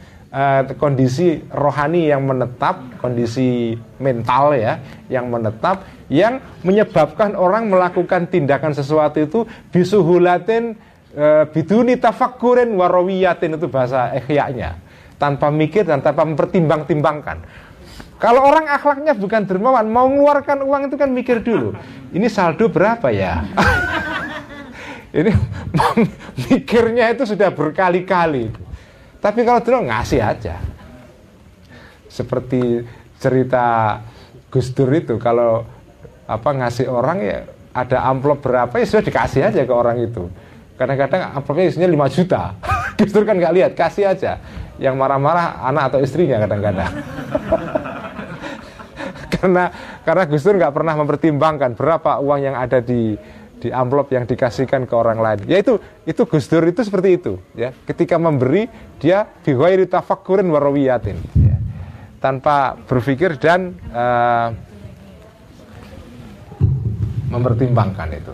Nah, pendidikan orang yang bisa punya akhlak seperti itu kata Al Ghazali itu butuh waktu lama itu lama sekali ya. dan kata Al Ghazali itu seperti kamu itu setiap hari sebetulnya kan tubuh kamu itu kalau masih dalam usia pertumbuhan itu kan nambah tapi kan kita nggak pernah merasakan tubuh kita menambah berkembang itu kan enggak. Tahu-tahu kalau kalau kita nggak pernah bertemu orang 10 tahun, misalnya pernah terakhir ketemu 10 tahun yang lalu terus ketemu 10 tahun kemudian akan kaget, "Loh, kamu kok gede sekali?" Tapi orang yang bersangkutan kan nggak merasa. Setiap hari tumbuh terus itu kan. Nggak pernah merasa. Nah, terbentuknya akhlak itu seperti pertumbuhan badan. Sedikit demi sedikit nggak merasa kita karena itu membangun akhlak itu lama sekali. Tapi merusak akhlak itu mudah, cepat banget. Membangunnya itu seperti orang tumbuh badannya itu tiap hari muncul bertambah satu satu satu in satu ya satu satu mili misalnya kan kita nggak pernah perasa itu nah pendidikan untuk anti korupsi itu butuh waktu lama memang Nah, tentu saja undang-undang punya. Nah, di sini ada dua pendekatan kan. Pendekatan undang-undang itu pendekatan luar itu. Tapi ya undang-undang secanggih apa pun, kalau manusianya memang korup, ada saja jalan untuk korupsi kan. Tapi kalau manusianya itu tidak korup, nggak ada undang-undang anti korupsi, nggak korup. Makanya saya katakan tadi itu, kalau sebuah masyarakat kok di dalamnya banyak undang-undang itu indikator bahwa masyarakatnya sebetulnya belum punya akhlak yang hayatun rosihotun tadi itu sebetulnya. Kalau orang sudah berakhlak itu nggak perlu undang-undang karena undang-undang sudah tertanam dalam dirinya. Bukan jadi undang-undang itu bukan di parlemen tapi di hati. Dan bikinnya nggak mahal, cuma butuh waktu lama saja. Ya lebih mahal bikin undang-undang di DPR itu. Ya. Tapi memang butuh waktu lama untuk pelan-pelan menumbuhkan akhlak dalam diri kita itu. Nah ini soal korupsi ini, saya ingin cerita ya. Ini menurut saya menjadi agenda kita semua, terutama teman-teman Nahdien ini ya. Bagi saya memerangi korupsi ini penting sekali. Karena korupsi ini kayak kanker, merusak sistem betul, merusak sistem sekali. Nah saya akan ceritakan beberapa kisah menarik Salah satu kisah menarik itu adalah kisah tentang Kiai Yasin Al-Fadani. Ini seorang kiai Nusantara yang tinggal di Mekah, temannya Maulana Syekh uh, Muhammad Zainuddin ya, uh, Abdul Majid ya, uh, Pancor ya, yang dulu pernah menjadi teman dan sekaligus muridnya Syekh Yasin ketika beliau sekolah di Madrasah Saulatiyah di Haromen sana ya. Nah Syekh Yasin ini orang yang luar biasa alimnya. Bahkan disebut sebagai musnidud dunia. Orang ahli hadis yang dengan sanatnya yang panjang itu sedunia. Jadi orang ya kira-kira seperti Imam Bukhari, tapi hidup abad 20. Gurunya para kiai-kiai Nusantara itu. Nah Syekh Yasin tuh alimnya segitu itu. Itu pekerjaannya adalah uh, ya.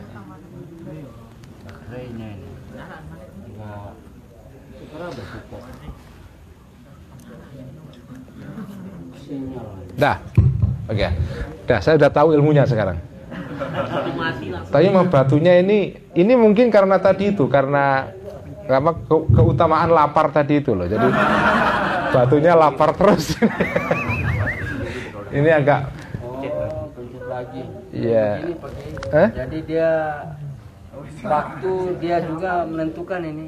Dia uh, kalau lama mati. Oh, mati ya? ya. Oh ya. Ini untuk kayak manusia lah dia. Ini ilmunya ihya banget ini apa? Sangat efisien ya waktunya. Jadi Syekh Yasin ini ini luar biasa. Ini Syekh yang ya dia warga negara Saudi ya.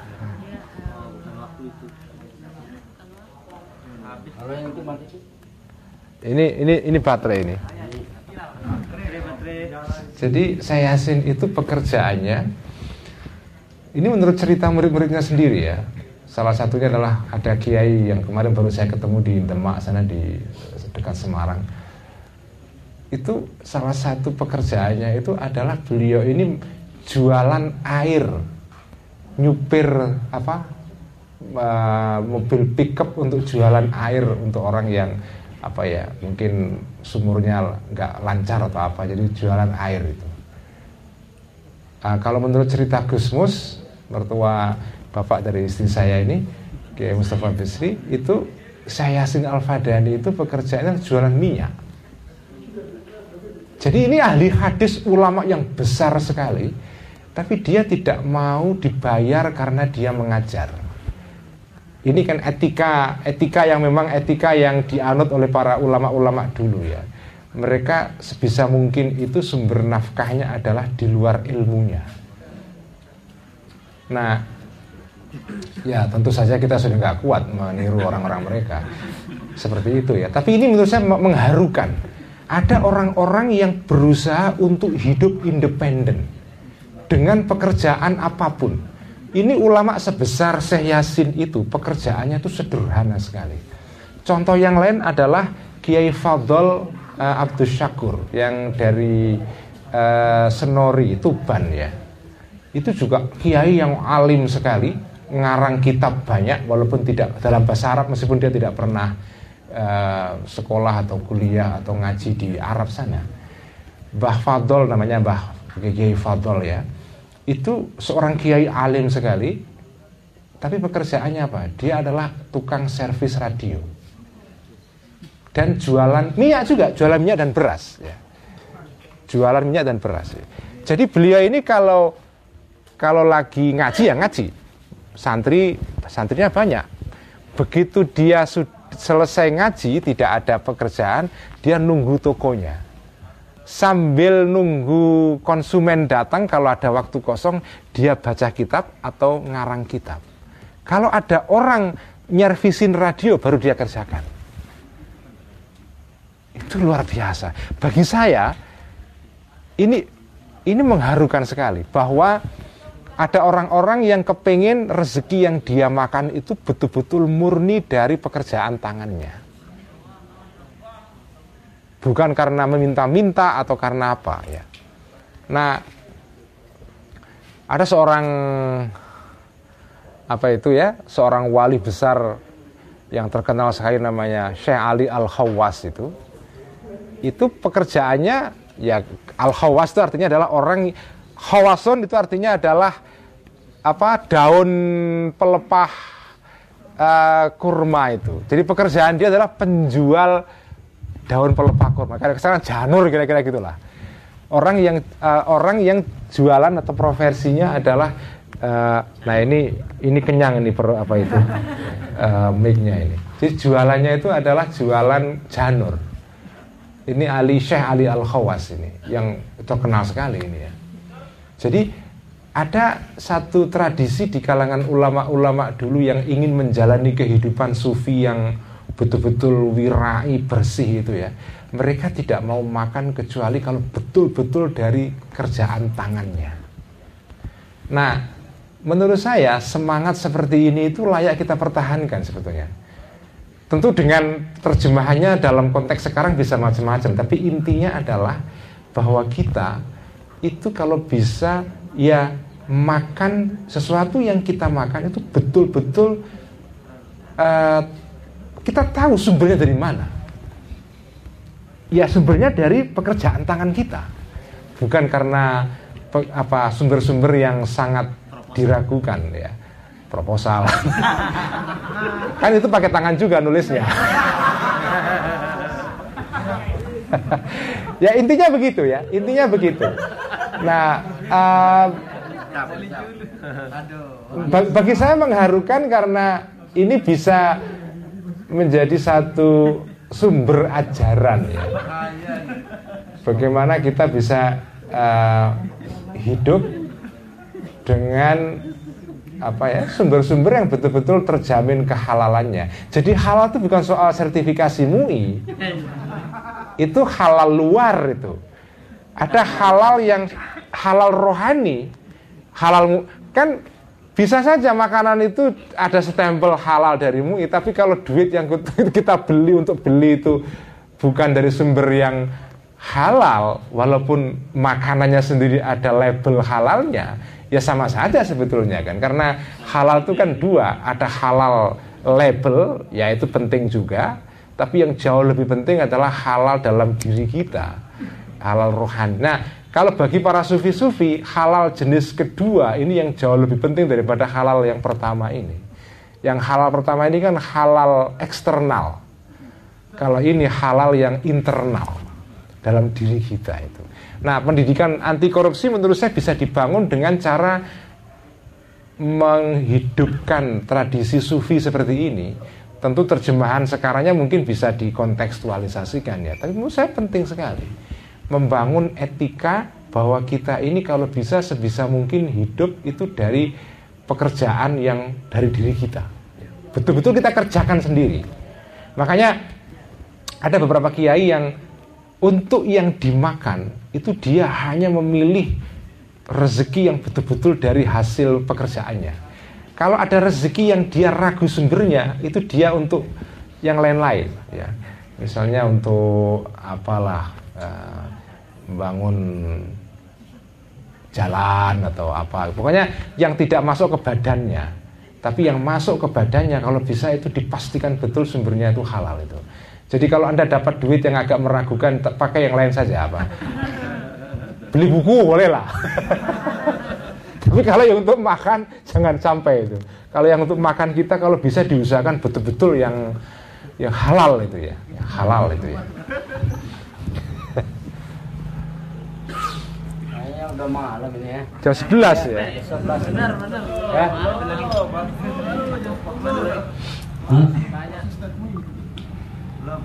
Ya, ya, ya. Sa uh, Satu aja. satu lagi ya, satu ya, satu aja. Sini, aja sini. sini. Ya. Berapa itu? Ah, satu aja cukup nih. Mau istirahat beliau nih. Ngajinya di yang aja, pondok aja. Baik. Eh, Bismillahirrahmanirrahim. Assalamualaikum warahmatullahi wabarakatuh. Oh, Saya Jadid dari Mataram berasal dari Pondok Pesantren Nurul Hakim Kediri. Oh, kediri. Aktivitas saya sekarang ini Mbak Jana ini udah bingung tidak kita bicara makom. Sebelumnya barusan saya di WA sama paman saya di Jogja. Salam beliau. Oh, siapa namanya? Oh, ponakannya Pak Hasan Basri ya. Saya pamannya Hasan Basri. Iya.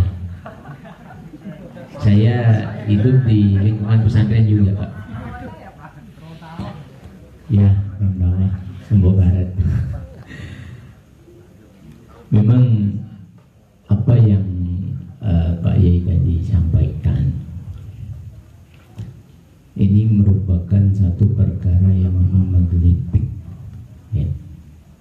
khususnya kita di lingkungan Nahdiyin. Kalau saya nyebutnya mungkin fenomena. Apa yang disampaikan adik kita tentang korupsi tadi ada yang di belakang proposal dan macam ya. Konteksnya dalam ranah ruhiyah dan eksternal tadi. Kebetulan juga saya kemarin nyalet ya dari salah satu partai dan kebetulan di samping saya juga Katanda juga ya mungkin sama. Dengan niat yang berbagai macam. Tetapi pertanyaannya adalah jika kita berbicara dari ruh yang terdalam betul yang Pak Yai tadi sampaikan bahwa mungkin kita sedikit kurang dalam masalah ekonomi. Konteksnya dalam pergerakan kita antara ruh yang kemudian kita aplikasikan ke eksternal dalam konteks sosial misalnya politik. Ya bridgingnya ini bingung kita menjembataninya mohon penjelasan dari terima kasih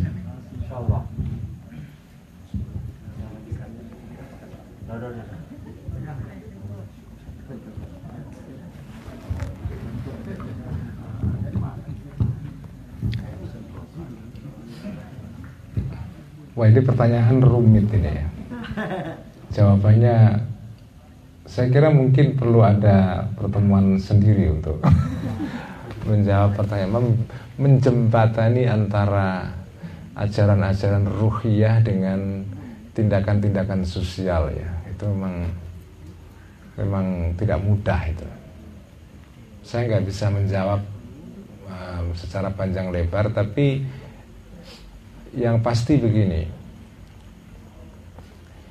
um, ini ini juga teorinya Al Ghazali ya. Kenapa orang itu bertindak? Ini tindak teori tindakan menurut kitab Ihya ya. Kan ada teori tindakan menurut sosiologi, menurut menurut Talcott Parson, menurut apa banyak teori-teori ilmu sosial itu kan banyak tentang uh, theory of action gitu ya, teori tentang tindakan. Nah, Al Ghazali punya teori tindakan sendiri menurut Imam Ghazali, tindakan manusia itu timbulnya pertama dari apa yang dia sebut sebagai al-khatir. Ya. Khatir itu artinya adalah sesuatu yang muncul dalam pikiran kita. Jadi benih paling awal dari tindakan itu namanya al-khatir. Nah, itu baru awal. Khotir muncul belum tentu langsung jadi tindakan. Dari khotir menjadi tindakan itu perlu langkah-langkah uh, mediator, langkah-langkah tengah ya, yang sampai nanti ujungnya adalah orang bertindak itu. Nah, langkah-langkah yang membuat orang bertindak setelah munculnya al-khotir adalah pertama, setelah al-khotir itu ada niat. Jadi misalnya kita tiba-tiba pengen makan, ya, makan ayam taliwang misalnya, muncul saja itu ya muncul pikiran itu belum tentu kita pergi ke warung ayam taliwang. Setelah khotir muncul harus ada niat. Nah niat itu step atau langkah lebih jauh daripada al khotir. Tapi niat itu belum belum menjamin orang akan bertindak. Itu baru satu langkah. Setelah dia niat, setelah itu dia harus punya namanya alhamu. Niat tapi yang kuat. Nah itu punya punya niat tapi juga sekaligus punya kehendak untuk bertindak. Itu namanya alhamu. Yang ketiga, berikutnya kemudian kemudian ada langkah berikutnya namanya al-azimah. Itu adalah lebih kuat lagi. Jadi al-azimah atau al-azm itu lebih kuat daripada alham. Nah, kalau sudah sampai ke tahap al-azm, itu biasanya meloncat ke tindakan itu sudah dekat sekali. Jadi dari al-khotir kepada an-niyah, al-ham, al-azm baru kepada al-fi'al atau tindakan itu ya. Nah, orang kalau ingin bertindak baik itu harus dimulai dari khotir yang baik. Nah, pertanyaannya bagaimana orang dalam dirinya bisa ada kemampuan untuk muncul khotir yang baik terus? Itu latihan memang itu teori ihya ya. Bagaimana penjelasan bagaimana prakteknya dalam kehidupan sehari-hari ya itu harus kita kita jajal kita kita kita kita eksperimentasi ya. Kita coba itu tapi begitu. Jadi jadi orang itu pertama um, ketika orang itu bertindak itu pertama sumbernya adalah al khotir ini. Karena itu nah al khotir ini dua. Kalau khotir itu sumbernya dari malaikat, itu adalah berupa ni atau pikiran-pikiran atau apa? Ya apa? Al khotir itu semacam pikiran-pikiran gagasan-gagasan awal yang muncul dalam diri kita. Kalau berasal dari malaikat itu namanya khotir ya namanya khotir tapi kalau berasal dari setan berupa pikiran-pikiran yang jahat itu namanya was-was kalau dari malaikat namanya khotir, kalau dari setan namanya was-was. Ya. Nah, dari was-was nanti munculnya adalah tindakan jahat. Dari khotir itu muncul tindakan yang baik itu. Nah, jadi ya kalau kita ngikuti teori ini, kalau kita punya pikiran baik, itu sudah merupakan langkah awal mencicil untuk bertindak baik. Nah, tapi untuk sampai ke sana harus diberikan langkah-langkah eh, apa itu? Langkah-langkah bridging atau penjembatan. Jadi tadi itu niat dulu, kemudian eh, apa? Eh, berkehendak kuat untuk melaksanakan itu. Kemudian ada al-azm tadi itu baru setelah itu ada tindakan itu. Nah, nah ini kan teori juga bagaimana pelaksanaannya di dalam kehidupan sehari-hari itu butuh percobaan. Tapi in, kalau di dalam apa ya observasi saya, pengamatan saya biasanya orang itu kalau berhasil mendidik rohaninya dengan nilai-nilai yang baik. Kalau orang jeruannya sudah baik, itu secara otomatis tindakan luarnya akan mengikut. Jadi orang kalau sudah berhasil membentuk akhlak dalam dirinya, akhlak yang baik, itu otomatis tubuh luarnya akan mengikuti um, keadaan batinnya itu. Karena itu dalam bahasa Arab itu ada dua kata yang saling berkaitan. Ada hulukun, ada holkun. Hulukun itu artinya akhlak, holkun itu artinya adalah badan luar. Jadi kalau dalam teori tasawuf itu ada badan luar, ada badan dalam. Ada badan kasar, ada badan alus. Badan kasar itu bahasa Arabnya holkun, badan alus namanya hulukun. Nah kalau badan alus kita itu sudah terbentuk dengan akhlak yang baik, itu badan kasar akan ngikut. Jadi badan kasar itu adalah hanya makmum kepada badan alus. Jadi tugas kita sebetulnya adalah memperbaiki badan alus ini. Begitu dia sudah baik, itu potensi badan kasar kita untuk bertindak baik itu lebih besar. Tapi kalau badan alus kita ini belum terbentuk dengan akhlak yang baik, itu badan kasar akan susah diarahkan kepada tindakan yang baik itu. Jadi jadi ya langkah awalnya memang ya dari menghaluskan badan halus ini dengan akhlak yang baik ya. Ya ini susah kalau ilmu tasawuf itu sering saya katakan 70% pengalaman 30% teori. Sebalik itu berbalikan dengan um, apa filsafat misalnya. Filsafat itu 70% teori, 30% eh, pengalaman. Tapi kalau kalau tasawuf itu 70% atau bahkan lebih mungkin 80% pengalaman baru 20% itu teori. Karena itu kalau kita tidak coba langsung ya kita hanya kayak seperti orang men, men, mendengar cerita tentang lezatnya ayam taliwang misalnya. Atau sambal plecing bisa hanya dengar ceritanya saja tapi tidak pernah merasakan ya ya kita hanya melongo saja nggak bisa. Orang mendengarkan indahnya nikmatnya perkawinan misalnya tapi nggak pernah kawin ya. Ya sengsara saja kalau mendengar cerita itu. Apalagi bagi para jombloan jomblowati itu hanya kesengsaraan saja kalau menerima cerita mengenai keindahan perkawinan. Saya kira itu. Terima kasih. Moga-moga kita dapat berkah dari ngaji malam hari ini dan dan dan bisa menjalankan walaupun sedikit ya apa yang tertulis diajarkan dalam kitab ini. Terima kasih. Mari kita tutup dengan bacaan hamdalah alhamdulillahirabbil alamin wassalamualaikum warahmatullahi wabarakatuh.